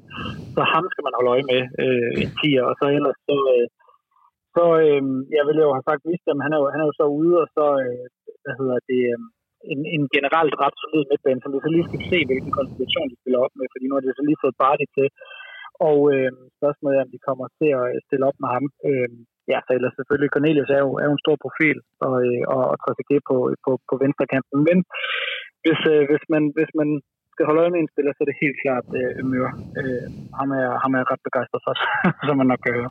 Ja, men det, det er godt at høre noget, noget ægte begejstring for en, en, en profil. Øh, jeg sidder her sammen med, med, med tre af de andre. Øh, Samuel, der sidder på siden, man har et spørgsmål. Værsgo, Samuel. Ja, altså det, det er lidt i den her med, at nu er den tyrkiske ligas niveau har jo været, været faldende over, øh, hvad kan man sige, de sidste par år. Både, øh, der er sikkert både noget økonomi i det, men også generelt de resultater, de har leveret europæisk. Øh, vi har både slået Sivasspor og Basakcis, øh, men hvordan, øh, hvordan ser de egentlig øh, os som modstander dernede? Øh, fordi man kan sige, de kigger jo også tilbage på, hvordan øh, vi har leveret øh, tidligere de kommer, min vurdering af det, eller, eller min... Hallo? Hov. Oh. Ja, vi kan godt høre dig. Kan I høre mig stadig? Ja, tak. Sorry, der var lige noget, der røg over på en, øh, på en bilradio her. Nej, øhm, min vurdering, eller min opfattelse er egentlig, at de kommer med en ret stor respekt øh, på Tyrkiet generelt. De har jo også været enormt glade for, at Trabzonspor er, øh, er blevet beskrevet øh, så fint, som, øh, som jeg jo blandt andet selv har været med til, og at folk sætter sig ind i det. Altså, der, der er sådan lidt, en, selvom, selvom Tyrkiet er et enormt stort land, øh, og selvom Trabzon egentlig er en ganske stor by, så, øh, så, så, så er man meget stolt folkefærd og går meget op i, at, øh, at, at både øh, at andre sætter sig ind i, øh, hvem man er og hvor man kommer fra, men på den måde gør de det også den anden vej rundt. Så, så det er ikke fordi, at de kommer her, Tuhaj, øh, tyrkiske mestre osv., og, og, og ser FC København som en, som en, som en miniput. Man går meget op i, at FC København er et hold, der har været Champions League flere gange før, og at det er en stolt, øh, en stolt klub øh, med stolte traditioner i, øh, i Danmark. Øh, men har en meget, også en meget realistisk forventning om, at man er de her meget smalle favoritter, men så heller ikke mere. Så man kommer med en, med en stor portion respekt for FC København, og, øh, og vil se det som en, som en meget, meget, meget stor dag for klubben, og en meget, meget stor succesoplevelse, hvis det lykkes for øh, Trabzonspor at, at gå videre mod FC København. Så meget respekt øh, fra Tyrkiet, og det, det er også min, øh, mit indtryk, at det kommer den anden vej rundt. Øh, så øh, vi, er, altså, vi, vi er i en situation, hvor at vi skal op mod et hold, som øh, rider på en mesterskabsbølge, en enorm begejstring. Øh, Øh, nu mangler det måske deres bedste offensiv kort ud Andreas Cornelius, kan jeg vel godt tillade mig at sige. Øh, men jeg, jeg, jeg tænker, at, øh, at der er... Øh, altså, der, der, der, der er noget, der skal overvindes, øh, men, men, men en ting er, hvor de er dygtige. Øh, hvor, øh, hvor ser du måske deres svaghed hen? Kvæg, hvor du måske også ser, hvordan FC København spiller. Hvor, hvor kan vi ramme dem hen? Det, det er i høj grad i, øhm, i forsvaret. Det, det, det, det drejer sig både om den konstellation, de har spillet med det meste af sidste sæson i forsvaret, som har været ham her, Vitor Hugo, og så, øh, og så øh, Dokan Tukos, som, som jeg egentlig rigtig godt kan lide, men som oprindeligt er, er sådan bedst på 8 eller 6 Så han er sådan lidt blevet omskolet til, øh, til stopper i den, i den sidste, eller i, i, i forrige, eller hvad undskyld, den forgangne sæson. Ja. Øhm, hvilket også gør, at han selvfølgelig har nogle styrker fremad i banen, som, som sådan stopper, der kan blive skubbet lidt frem, men han efterlader også det her rum og har selvfølgelig nogle, nogle svagheder som stopper. Øhm, det skal jo så sige, siges, at de lige har hentet mig Bartra, og spørgsmålet er så, om de vil, stille, altså de vil nok set med et langlys på at stille med ham som mere fast stopper i stedet for Tukkers. Øh, spørgsmålet er så, om han når at komme i spil øh, mod FC København. Det er sådan lidt, lidt øh, svært ved at sige, men det vil jo så gøre, selv hvis Bartra han, han når at komme i spil, at der er en del relationer i forsvaret, som ikke er på plads endnu, og det vil jo nok både kunne skabe kommunikationsproblemer, men også bare generelt de her relationsproblemer, som er åbenlyse, som FC København vil kunne, vil kunne, øh, vil kunne udnytte. Også, også fordi både begge Baks, El Marli øh, til venstre og, øh, og så Jens Stryger til højre, jo også er nye. Øh, og det, at de er helt nye, vil jo meget åbenlyst gøre, at, at der er nogle relationer, som ikke er på, på plads. Og øh, Trapsonsborg er normalt et godt sammensømret, velspillet hold med en meget dygtig træner, som går op i de her relationer. Så det er helt klart der, det, det, det er relativt ny, hvad skal man kalde det, øh, nyfabrikeret forsvar, at, at der vil kunne komme nogle, øh, nogle huller på en eller anden måde. Hvordan de kommer til at se ud, det ved jeg ikke. Jeg har jo så åbenlyst heller ikke rigtig set det her forsvar, som, øh, hvordan det kommer til at se ud, og, og hvordan de eventuelt spiller. Men, men det er klart forsvaret, der bør være deres svage på, på, på en eller anden måde. Og her til sidst, øh, en ting er kamp i morgen, det skal jeg høre dig om, hvordan du tror øh, ender, men hvad, hvem, øh, altså, det kan vi lige starte med. Hvad, hvad, hvad tror du, hvordan tror du, det kommer til at gå i morgen? Jeg øh, tror, at København, øh, København får lov til at tage takstokken øh, på en eller anden måde. Jeg tror, jeg tror det bliver enormt tæt. Øh, og jeg tror øh, frem for alt, at, at Trabzonsborg vil være meget tilfreds med at komme fra Danmark med uafgjort, og nok også øh, med et meget smalt etmåls, øh, etmålsejr. Så ja, det, det, det, det meste er heller til enten en etmålsejr til København, eller, eller uafgjort. Så det, det bliver noget, Tyrkiet det hele skal, skal afgøres. Ja, og hvem tror du ender med at gå samlet videre, selvom det er svært og det er strengt at bede om her, inden der overhovedet spillet en af kampene? jeg, jeg lå oprindeligt på 60-40 øh, til Trapson, øh, og så har der været den her kommission, at de har hentet et par stærke profiler, som dog ikke, nok ikke når at blive spillet ind, øh, men samtidig så har mistet et par endnu større profiler. Så jeg er meget tæt på 50-50, måske lige med en lille bitte fordel til Trapson til over to, øh, to opgør desværre. Ja. Altså, øh, en mere 50-50. Vi, der har været noget mere øh, dårlig stemning herinde, kan jeg fortælle dig. Der er noget mindre tro på FC Københavns, øh, hvad hedder det, i, i, eller i vores favør. Men nu må vi se, hvad vi får snakket frem til her bagefter. Niklas, du skal have tusind tak, fordi du havde tid til at være med her. Selv tak. Tak, fordi jeg måtte være med. Det var en stor fornøjelse. Tak for det, Niklas. Ha' det godt. Hej. Hej. Thanks for tuning in to FC Copenhagen Fan Radio. You're listening to Atiba Hutchinson. Nu fik vi lige Hot igen. Jeg kan godt lide Hot stemme. Den er, sgu, den er så blød. Han burde øh, lave, øh, lave øh, indtage lydbøger eller lave radio eller et eller andet. Han har simpelthen sådan en cremestemme. Nå, det var godt at høre fra Niklas Stein, og det var også øh, lidt sjovt at høre, at han var noget ked af, hans øh, positive tilkendegivelse omkring de spillere, vi har hentet i Tyrkiet, havde vist sig at være øh, noget ude for skive, men jeg tror ikke, der var nogen af os, der regnede med, at det ville være øh, så off. Hvad siger du til det, Benjamin, at den her skade til Viska, og så også Hamsik, måske lidt mindre ramt, men især Viska, at det har fået Niklas Steins, øh, hvad skal man sige, forventninger til de her, det her dobbeltopgør til at være nede i noget, der ligner en tæt på 50-50? Ja, men jeg, men jeg ved ikke, om han i, i den vurdering har, øh, har medtaget, at øh, vi altså også selv øh, har fået nogle skader, øh, og, øh, og, og også en del af dem. Øh, nu kan vi jo, øh, de fleste, der, når de... Øh, når de lytter det her, så, øh, ja. så, så har de jo nok set det allerede, men, men, øh, men ved pressemødet har Jes Torup altså sagt, at at vi har fire spillere, som skal testes inden kampen i morgen, og, og altså, min vurdering af, hvordan den kamp kommer til at gå, den, den kommer til at afhænge rigtig meget af, hvor mange af de her fire spillere, der viser sig at være klar. Hvilke fire spillere er det? Jamen, det er jo så øh, Mohamed Darami, det er Hutcholava, det er Bøjlesen, og så er det Peter Ankersen.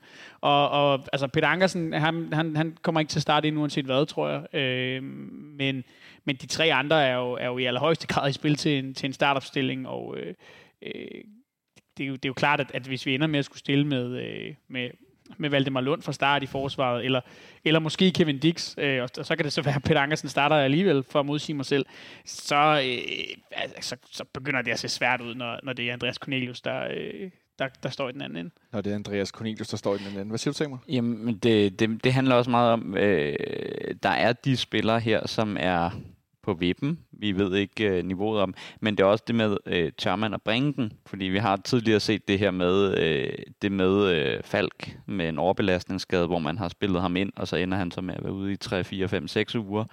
Øh, også hvor meget risiko man overhovedet tør at tage øh, i den her kamp, hvor man måske ved, ja. at Trapsonsborg er tilbageholdende fordi at øh, bringer man Mo, og han, øh, han får ribbet op i en skade, så, øh, så er han jo ude i længere tid. Og igen, øh, forsvarsmæssigt med både Bøjle og Kutulava, øh, altså, øh, så har vi vel en, en, en norsk stopper på 16 år som det næste alternativ til, til Valdemar Lund og, og Dennis Varbro, som er en, en, altså en udpræget midterforsvar. Øh, så det er rimelig problematisk også med, hvad risiko tør han at tage med at bringe nogen, fordi han ved jo, at, øh, at hans øh, tilfredshed med ham bliver i hvert fald ikke større, hvis han bringer dem i kamp, og de går udgår med en skade. Så det er også det med, øh, hvor meget tør han at gamble. Hvor meget tør han at gamble? Skal der gambles i morgen, Alexander? Ja, det skal der. Det synes jeg selv, og det tror jeg også, Jes han synes. Fordi for Jes er det nok make or break med det her dobbeltopgør mod Trabzonspor. Jeg har en god idé om, at hvis, øh, hvis ikke det går mod Trabzonspor, og vi ikke kommer alvorligt tilbage på sporet mod Lyngby, og så i de følgende kampe, så, øh, så kan det godt være, at PC han øh, kigger i telefonbogen under N, og ser, om han stadig har Davids nummer i telefonen. Nej, øh, Alexander, er du sød og går så ud på parkeringspladsen? Nej. Det er ikke mit bud. Jeg siger bare, at jeg kunne sagtens forestille mig, at det var øh, en vej, han ville kigge. Øh, nej, øh, jeg tror, det her det er tæt på make or break for Yes, og derfor så tror jeg, at han er villig til at chance ret meget, fordi udgangspunktet inden returkampen er uhyre vigtigt, fordi det bliver rigtig svært dernede. Det bliver rigtig, rigtig svært. Ja, og, og hvis vi starter med at kigge på, på forsvaret især, altså hvor, hvor vi jo er hårdest ramt øh, øh med, med, med to skader på, på midterforsvar og, og to spillere, der skal testes. Altså så, hvis det viser sig, at ingen af de her to spillere er klar, eller at øh, øh nogle af dem måske kun er øh, semi-klar, øh, så hvis han skal vælge ikke at gamble, så står han lige pludselig og skal enten bringe Valdemar Lund i spil, øh, eller formentlig stille med øh, Elias Jelert øh, på, på, på højre bak, og så skubbe, øh, skubbe Kevin Dix ind, hvis ikke Ankersen er klar. Hvad vil du være mest nervøs for? Jamen, det, det, det synes jeg er svært at vurdere. Altså, fordi, måske trods alt øh, Valdemar Lund over for, for Andreas Cornelius. Øh, men, men i hvert fald, under alle omstændigheder, så skal han stille op med en teenager, øh, hvad hedder det? Eller to. eller to nede i bagkæden. Øh, og, og det, altså det har jeg svært ved at se for mig, at han har lyst til. Så tror jeg hellere, at han vil tage chancen med at sige, øh, så øh, sætter vi øh, Bøjlesen eller Rutscholava ind, alt efter hvem der er mest klar. Og spare den anden. Og krydser fingre for, at, øh, at, ja. øh, at, at det holder så langt som muligt. Øh, og, og, og, altså, og længere fremme kan han lidt bedre, tror jeg, undlade at, at gamble med Darami. Øh, for der har han trods alt lidt flere muligheder. Ikke kvalitetsmæssigt, men, men antalsmæssigt, og han behøver ikke at sætte øh, der er også forskel på at, at sætte en ung spiller ind på, på kanten, og så have en ung spiller med nede i bagkæden. Ja. Og altså uden at jeg er medicinsk uddannet eller noget Er som helst, ikke det? så øh, er øh, Rutscholava skadet i skulderen. Øh, og jeg ved godt, vi så med Nikolaj Thomsen, at det kan godt være problematisk øh, at have en øh, løs Og men skulder. den slog han af led mange gange, ikke? Ja, men det er egentlig bare for at sige, at en skulderskade kan gøre rigtig ondt. Det kan alt muligt, men det er ikke noget, der kan ødelægge en fodboldkarriere. Altså jo, hvis det bliver noget kronisk selvfølgelig, men jeg mener i forhold til bentøjet. Øh, og derfor tænker jeg, at hvis ikke den skulder er fuldstændig ødelagt, og han ikke kan løfte armen, så er det klart, så kan han ikke spille fodbold. Jamen, så tror jeg, at man er villig til at tage chancen og så sige, så er det Bøjlesen, der bliver sparet. Ja, Samuel til det her. Ja, til det med forsvaret, der tror jeg så, at, at, at hele kalkylen med den her med, at, at vi kommer uanset hvad til enten at have nogle forsvarsspillere, som ikke er på 100%, eller nogen, som, som, som, øh, hvor vi starter alternativt.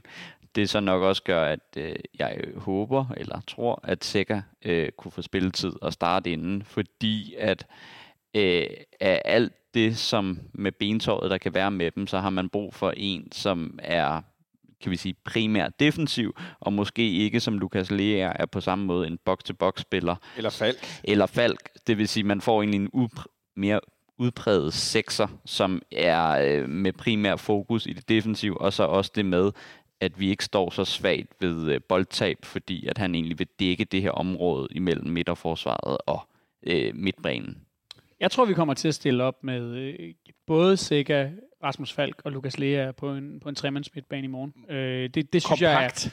det, det handler både om kompaktheden, men det handler også om, om rutinen, og det handler om, at man i de tre øh, stadigvæk, øh, samtidig med at man ligesom polstrer defensiven, så kan man ved at, at slippe Falk en lille smule fri, øh, undlade at gå kø, give kø på en hel masse af det offensive, men, men samtidig er der jo ikke nogen tvivl om heller, at øh, Rasmus Falk arbejder bedre tilbage i banen, end eksempelvis Victor Claesson gør. Og så rykker han så nok ud på, øh, på, på en af de to kanter i stedet. Men jeg, jeg tror, det er sådan, man kommer til at gribe det an for øh, øh, netop også, øh, som, som Samuel er inde på, og ligesom sikre noget ekstra opbakning til, til forsvaret. Hvis vi lige spoler helt ned bagved. Hvis Matt Ryan kan spille, starter han så ind i stedet for Kalle Jonsson. Hvad siger du, Samuel?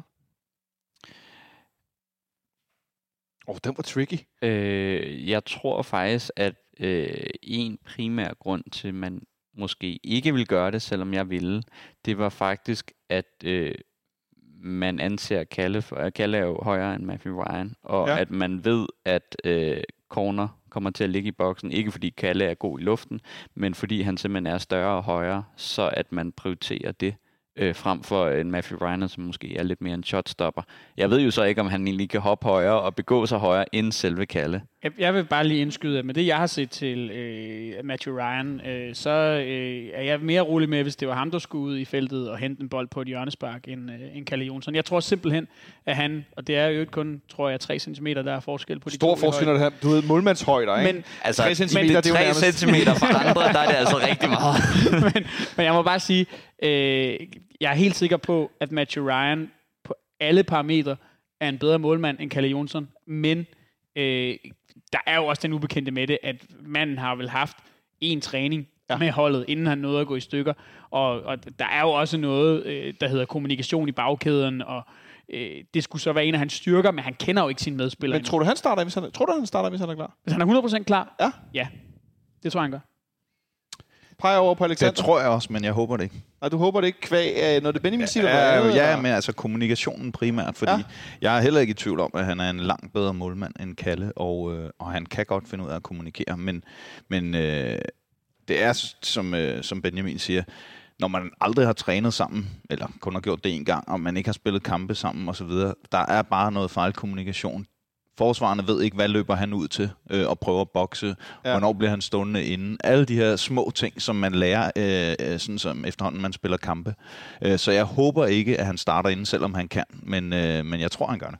Jeg tror så i øvrigt slet ikke, han når at blive klar, så, øh, så, så på den måde tror jeg, at, at, at det løser sig øh, Okay, jeg prøver bare at skabe lidt drama her. Og jo, Øh. men hvis, hvis jeg skal gå med mit argument med det højden på målmanden, så starter vi med en 16-årig. Øh, fordi han, han har i hvert fald en, øh, en højere radius. 17 kommer, er han trods alt blevet. 17, 17, men hvad er han? Han er 2, Eller næsten to meter, ikke? Ja, og han er en ordentlig klipper, Dittmer. Ja. Uh, han, han, altså, og nej, sorry, det er ikke noget med niveau og mål, men han ligner Donnarumma, når man ser ham spille. Kæmpe store teenager, ja. Som bare står derinde i målet. Han er kæmpe stor jo. Vi øh, fik lige kort rundet noget i slutningen af snakken om Randerskampen, Samuel. Mm. Nemlig den her snak om de bærende spillere, som måske ikke altid møder helt op. Ja. To af dem har vi lavet nogle, nogle længere kontrakter med. Det er Rasmus Falk, som jo er sammen med den anden, Nikolaj Bøjlsen, har været anfører i Sikkers fravær på skift, eller efter der har spillet blevet udskiftet osv. Øh, nu troede jeg faktisk, at Alexander tidligere ville nævne Rasmus Falk som en, der havde noget af en, øh, en Chuhai-kamp i fredags, fordi det der første mål, det synes jeg, han var meget impliceret i.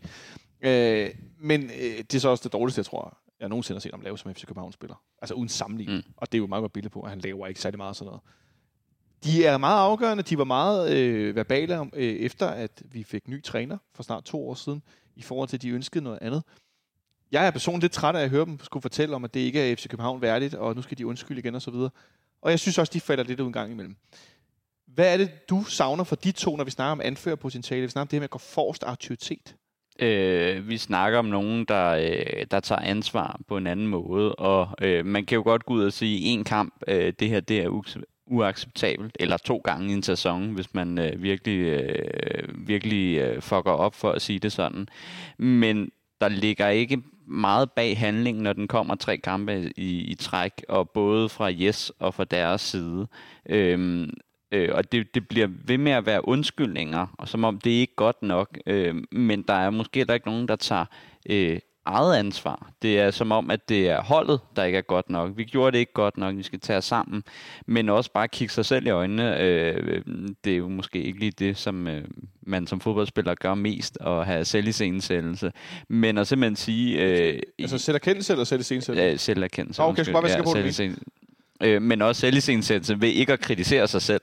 Øh, men bare det med, at, øh, at der bliver ikke kigget indad, og jeg havde jo ønsket, at vi måske havde haft en stærkere trup, sådan som man øh, med Dennis Varbros øh, blamager her de sidste par kampe, og de spillere, der er faldet ud, øh, altså sådan en som Leaer, synes jeg også er for ustabil, at man kunne skifte dem ud med det samme, uden at så, øh, hvad kan man sige, sænke niveauet ja, yderligere. Øh, fordi jeg synes også, at øh, Bøjle efter hans forlængelse, har, har, han får altså godt nok, øh, jeg synes han får meget lidt ris for, for den stabiliserende kraft, han skulle være. Og det er egentlig der, hvor jeg havde måske håbet, man kunne være mere kynisk, og at man så havde den anfører med en, en langt større autoritet. Øh, altså en, en linderot, som man måske faktisk næsten ville frygte og øh, lave fejl, øh, og man ville dø for holdet, fordi man vidste, at så, øh, så, så fik man skæld ud, og så blev man måske ja. kaldt offentligt ud også, at det var det er godt nok. Hvad siger du til Samuels, øh, ja, lad os kalde det analyse, eller i hvert fald Rant. oplevelse af, af, hvordan det er med vores bærende spillere, især i den her periode, hvor det går meget op og ned? Jamen, altså, jeg, jeg, jeg synes jo egentlig i, i ganske høj grad, at, at den spiller, som, som Seca har øh, de her ting, som øh, som Samuel han efterlyser. Øh, jeg, jeg, jeg synes, han, han øh, om nogen har det her anfører-gen, som man sådan lidt klichéfyldt ofte taler om. Men, men han har jo så været ude rigtig længe, og, og er jo kun blevet, blevet skiftet ind af et, øh, af et par omgang her efter sin skade. Øh, nu, nu har jeg jo allerede kaldt, at jeg tror, han starter ind i morgen. Mm, øh, ja.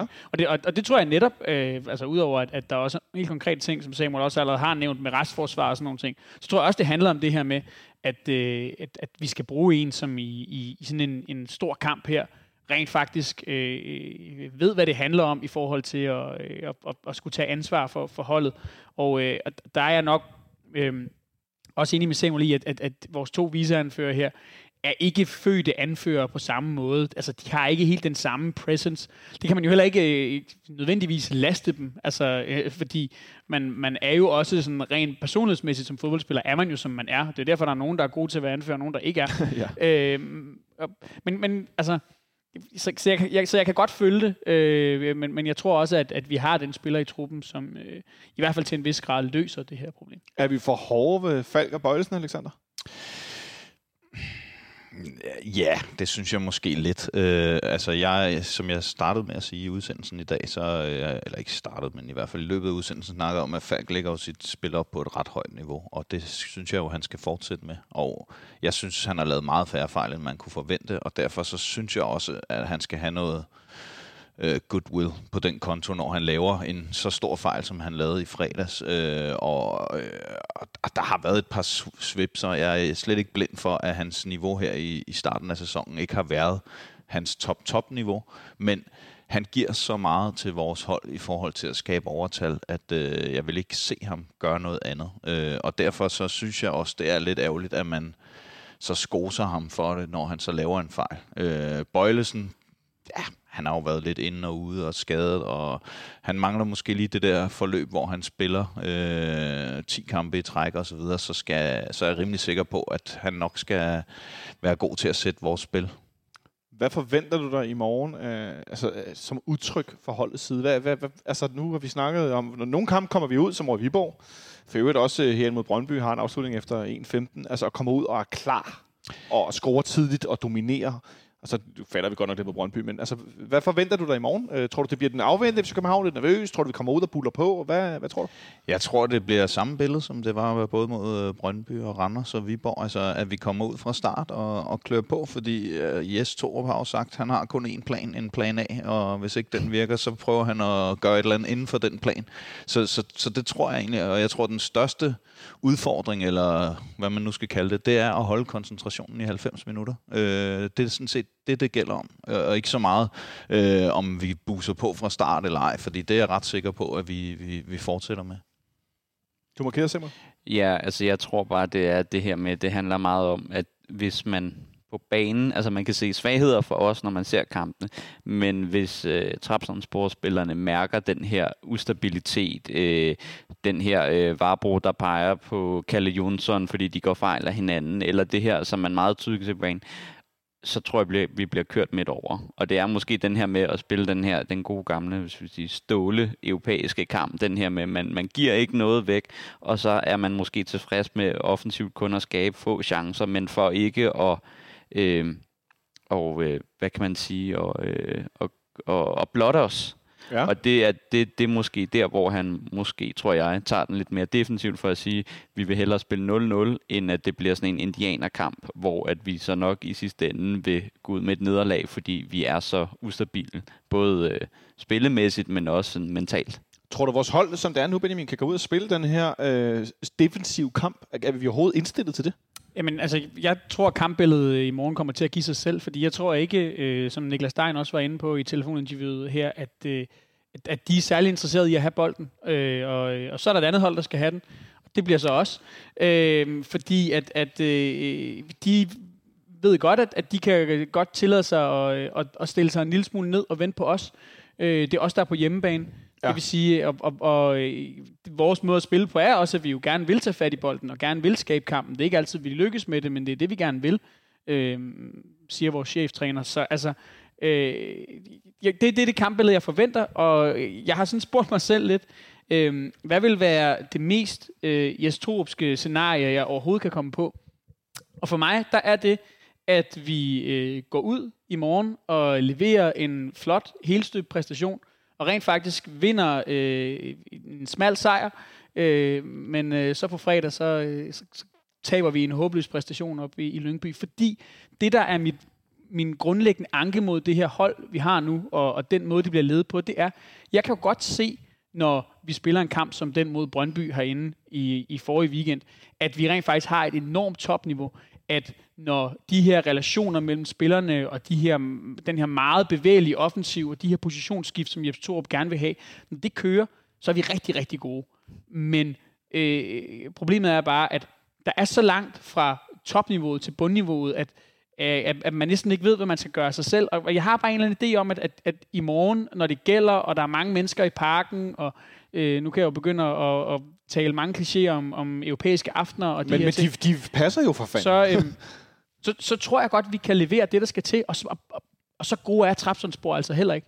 Øh, men men øh, det der med at, at være, igen for at tale om det her med topholdsmentalitet, det der med at være et hold, som bare gør det uge efter uge efter uge efter uge, og, og ligesom, nu taler Jes Torup om en bare, og han, han, han vil jo meget gerne have en, en, en altså, han siger, han sagde, har sat barn efter den her Brøndby-kamp, og øh, hvad hedder det, øh, øh og siger, at det er det, vi skal præstere op imod. Men jeg tror, at Jes Torup skal tage fat ned i bunden, og så hive op i den i stedet for. Fordi det er der, problemet ligger. Og jeg tror godt, vi kan toppræstere i morgen. Jeg får lyst til at sige, at vi kan ikke møde Brøndby hver uge, som var rigtig dårlig, øh, for det er den der bundniveauet. Øh, Alexander, øh, en ting er, er, er den her, sådan, hvad skal vi sige, altså manglende, det manglende bundniveau. Hvis du skulle sætte din lid til nogen i morgen, øh, altså hvem, hvem, hvem er det sådan de første, der popper op hos dig, som er sådan, okay, det er de her spillere, det er de her en, to stykker, eller tre måske, der, sådan, der skal toppræstere, før vi kan gå ud og vinde den her kamp? Altså, af dem, jeg er sikker på starter inden, så er det primært Pep. Øh, men ellers tænker jeg Sækker og, og Mo. Øh, Sækker, øh, på baggrund af det, vi øh, har snakket om lige før, øh, altså han har den her øh, anfører... Øh, mentalitet og øh, kan forhåbentlig holde sammen på holdet selv, hvis der kommer noget modgang. Øh, og Mo, fordi han bare har vist i den korte periode, han har fået, siden han kom tilbage, at han kan på egen hånd skabe noget, som ingen andre kan på vores hold, fordi Pep skaber meget, men det er bare ikke selv. Det er i relation med andre. Øh, en god aflevering til en anden, eller at modtage en aflevering i et godt løb osv. Det kan Mo, og, og, og det har vi brug for. Det har vi brug for.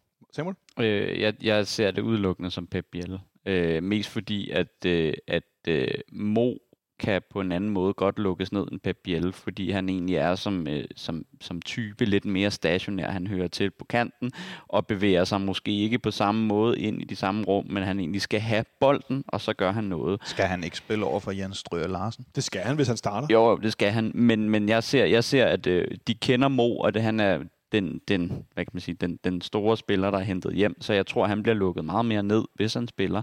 Øh, og slutproduktmæssigt, det kan godt være, at Mo skaber meget, men, ja. men, men det er kun, altså, hvis der er en, der skal score vores mål, så er det Pep Biel. Jeg kan simpelthen ikke se andre. Altså, der er vel heller ikke andre, der har scoret vores mål. Victor Klaarsson. Victor Klaarsson. Men, men igen, jeg, øh, ham er jeg ikke så lun på. Jeg tror, det er Pep Biel, det hele skal gå igennem. Ja, jeg må sige, at øh, nu, øh, nu snakker vi lidt om at rykke Rasmus Fald frem i banen og sådan noget, men, men øh, med Klaarsons øh, indflydelse på vores spil, når han får lov at spille mere centralt, øh, apropos at have relationer, ser jeg som værende fuldstændig afgørende. Og så er der den sidste ting, Benjamin, som jeg godt kunne tænke at lige spørge om dig om, så kan det være, at de to andre har en kommentar til det. Øh, Niklas Stein snakker om det her med det, det tyrkiske hold og det første mesterskab i lang tid. Det er ikke et hold, som har sådan vanvittig meget europæisk erfaring. Hvor meget tror og håber du, det kan komme os til gode? Øh, øh, jamen, altså, hvis, hvis du kigger på de spillere, de har, øh, så, så, så, vil jeg, så vil jeg jo mene, at det kan jo godt være, at de sådan, som hold og som klub ikke har vanvittigt meget europæisk erfaring. Men, men, men, men kigger du på navnene, så er der jo masser af de spillere, der har spillet både slutrunder og europæiske kampe og alle mulige ting. Så, øh, så, så det tror jeg egentlig ikke for, for nogen øh, stor indflydelse, men øh, jeg har en eller anden idé om, at også fordi, at vi har øh, at det er den, var den værst mulige lodtrækning, og øh, øh, fordi at øh, Andreas Cornelius har en meget stor stjerne her, og, og nogle af de her ting, at, at vi måske øh, overvurderer det her hold en lille bit smule. Det kan så være, at øh, jeg kommer til at, øh, at se dum ud øh, i, i morgen aften, en eller anden gang mellem kl. 21 og 23, hvis de kører os fuldstændig over. Men øh, da vi mødte det her øh, Istanbul Başakşehir-hold, der var øh, forsvarende mestre i Tyrkiet, øh, og vores hold var mindst lige så ringe, hvis ikke øh, faktisk langt værre. Og de havde mange, mange måder. rutinerede spillere. De havde mange rutinerede spillere. De havde jo Viska med, som øh, vi slipper ja. for i morgen. Øh, altså, øh, det var jo ikke noget godt hold. Altså, i, i hvert fald ikke på, øh, på, på udebane. Øh, så, sådan, altså, så lad os nu se, hvor godt det her Trabzonspor-hold det egentlig er, når det kommer til stykket. Jeg øh, vil i hvert fald godt forholde mig afventende, fordi øh, tyrkisk fodbold, det er, øh, altså, de, de har flotte navne, de her klubber, men, øh, men, men de er ikke så gode mere. Jeg må indrømme, at mit øh, 85-15, fordi jeg var så meget i kulkælderen, da vi øh, havde lavet den her lodtrækning, det er blevet noget, der hedder 70-30, måske ikke øh, 65-35, simpelthen fordi vi skal ikke have med, fordi han er så altså, jeg har set højdepunkter med ham fra Trabzonsborg. Han er fuldstændig afgørende. Han er deres Pep Altså, han er virkelig, Han var virkelig også afgørende. vild i den kamp, eller i de t- dobbeltopgør, vi spillede mod. Han var virkelig, virkelig han, god, øh, ikke? Den der 1-0-kamp, de vinder, det er godt nok på et straffe, han scorer, men han laver målet, og han har to assist, som så ikke bliver til scoring, men altså, hvor han sætter sine holdkammerater op. Perfekt til scoring, ikke? Ja. Ja. Hvor de så brænder dem, der bare sparker forbi helt sindssygt. Og altså, han var bare, han ødelagde FC København i den kamp, synes jeg. Og han er meget, meget god i den tyrkiske liga i sidste sæson. Samuel? Ja, altså det jeg egentlig bare tror, det er, at, at, at, at den her kamp med stor sandsynlighed er ikke lukket efter den her. Men Nej. det er den, det er den tur til, til Trapsen øh, i næste uge, som, som, som kommer til at afgøre det. Og der tror jeg virkelig også, at det, hvis man lige snakker den ud, at jeg tror, at den kamp er sådan en, Øh, og der er næsten, altså, der har jeg det sådan, enten så taber vi 5-0, eller så vinder vi 5-0. Fordi at det er sådan et, jamen, det er sådan et sted, hvor, hvor at det er jo den største kamp, de måske nogensinde har haft i, i nyere fodboldhistorie. Og der tror jeg, det er sådan en med et fyldt stadion, og sikkert også mange mennesker udforan, at, at hvis vi kører den, så kører vi dem over. Og hvis vi bliver kørt over, så bliver vi også fuldstændig mos dernede. Nu er klokken 10 minutter over 6, det er torsdag. Lige nu er der 27-28 grader i Trapsonsborg. Det minder meget om her, kan man sige. Så det bliver øh, varmt, uanset hvad. Benjamin? Jamen, øh, jeg vil bare tilføje, at det er jo også måske i det her perspektiv, at man skal se de her, så har vi snakket om de her gambles, som Jes Torup eventuelt skal lave øh, øh, i morgen, og, øh, og, og jeg, er, jeg er enig med Alexander i, at det skal han til en vis grad, men der er jo også en returkamp, og, øh, og, og, og hvis du har en spiller, som du tester herinde i aften, øh, lige om lidt herinde bagved, hvor vi sidder, og øh, du kan se og sige, han kan måske spille i morgen, men han kan også blive sparet, og så med 100% sikkerhed være klar til returopgøret så, øh, så, så tror jeg godt, at Jes Torup kunne finde på alligevel at vælge at spare den her spiller, fordi øh, at øh, selvom vi skulle mangle øh, en eller to eller tre af de her, så kan vi godt stadigvæk hive et resultat hjem, hvor at det ikke er slut. Ja, og der vil jeg bare sige, der vil Bøjlesen være ham, der springer i øjnene her, fordi at skulle et ned, nedsted der med pres på og tilskuere, og så skulle have en spillende forsvar, hvor man kan spille ud af den der, altså de kommer også til at blive blæst frem af banen. Ja. Der vil det jo være sådan en kalkyl, hvor man siger, så kan man bedre klare en Bøjle Kuchulava, eller Dix Kuchulava, eller hvilken koordination det nu skal være, men en Bøjlesen på udebane i Tyrkiet, det tror jeg er, en, en, et vigtigt Omvendt så ved jeg godt, hvem corner vil ligge sig over for, hvis Bøjlesen han er med på en læg. Alexander, hvad ender kamp i morgen? 1-1. 1-1. Kommer vi foran, eller... øh, Ja, vi kommer foran, og så scorer corner. jeg ved ikke, hvornår han scorer, men han scorer øh, efterfølgende. Men, øh, men ja, vi kommer foran, og det bliver, øh, det bliver Isak, der scorer. Ja. Øh, nu har Corner jo mødt os nogle gange i europæisk fodbold, og det er ikke noget, han har så gode erfaringer med. Det kan vi vist roligt sige. Især ikke sidste gang, vi mødte ham herinde. Også i en, en, en knockout-kamp og noget straffe, noget Atalanta og noget regnvejr. Og noget. Det var også cirka omkring den her dato. Det var satane med en vild aften. Benjamin Dane, hvad ender kamp i morgen? Vi vinder 2-1. Vi vinder med 2-1. Ja, og jeg har også øh, både øh, Cornelius og, øh, og, og Isak på tavlen, men, men, Interessant. men Pep Biel han scorer også. Pep Biel, han scorer også. Hvad siger du, Samuel? 0-0. Oh.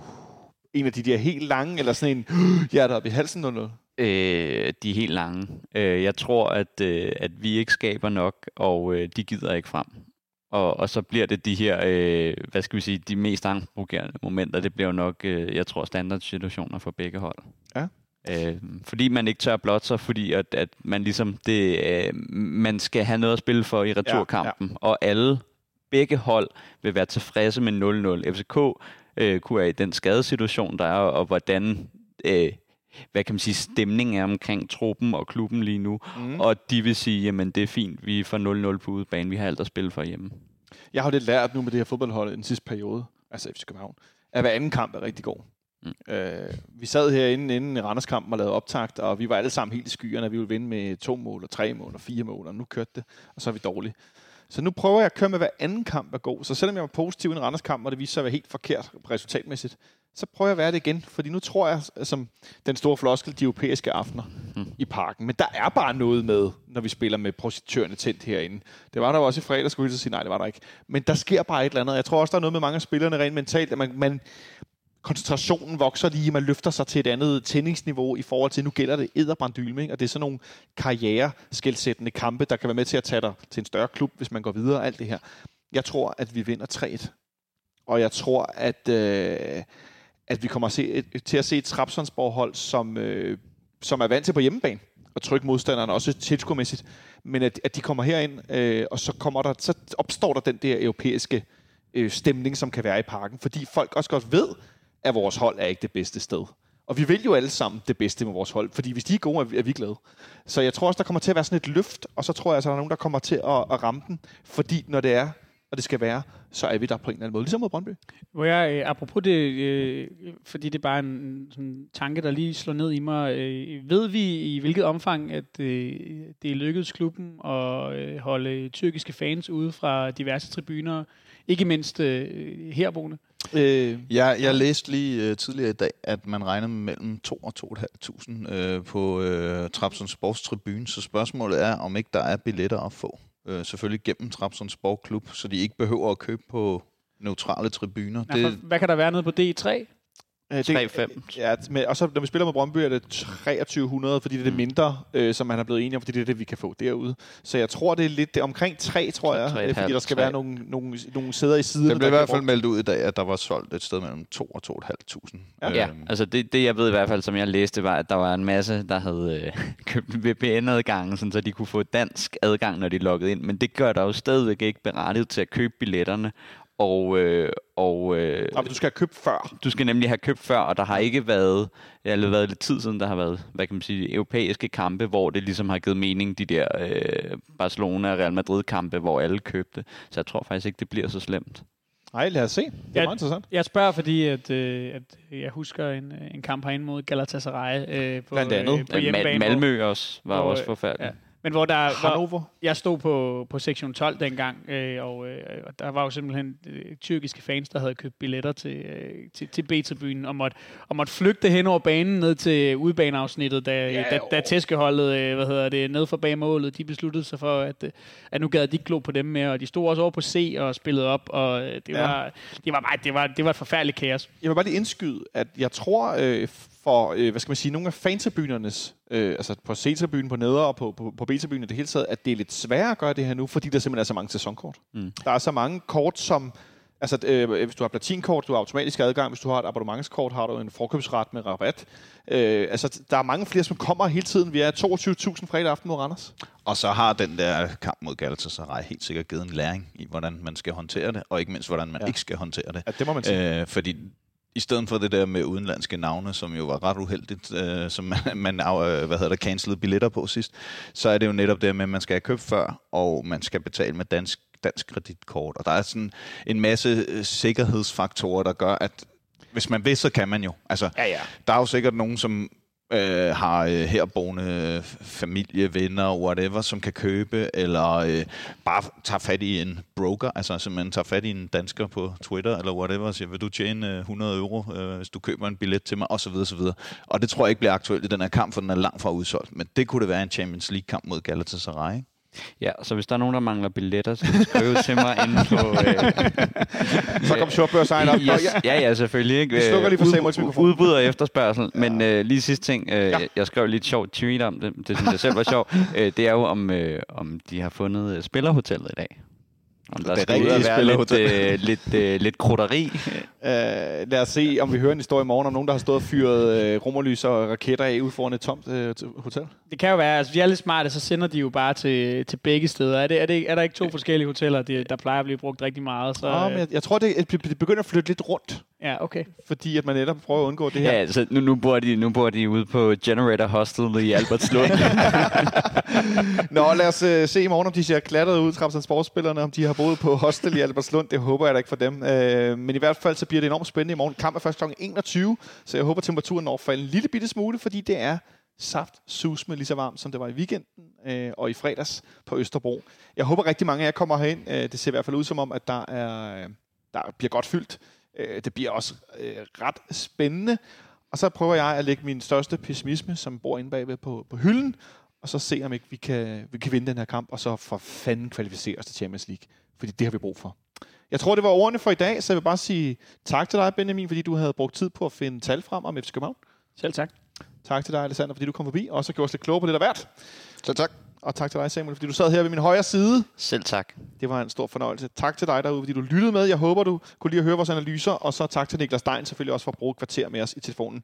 God kamp derude i morgen. Vi lyttes ved på torsdag allerede, hvor vi skal lave optag til kampen øh, fredag i Lønby. Der tror jeg, der er mange FC Københavner, der skal ud. Der er billetter i salg. Ja, der er ikke mange tilbage, kan jeg sige. Øh, ja, det sidste, jeg kiggede, var der 300 tilbage på samtlige tribuner. Nå, så det er bare med, hvis du skal til Lønby på fredag, så få købt en billet. Ha' det godt så længe.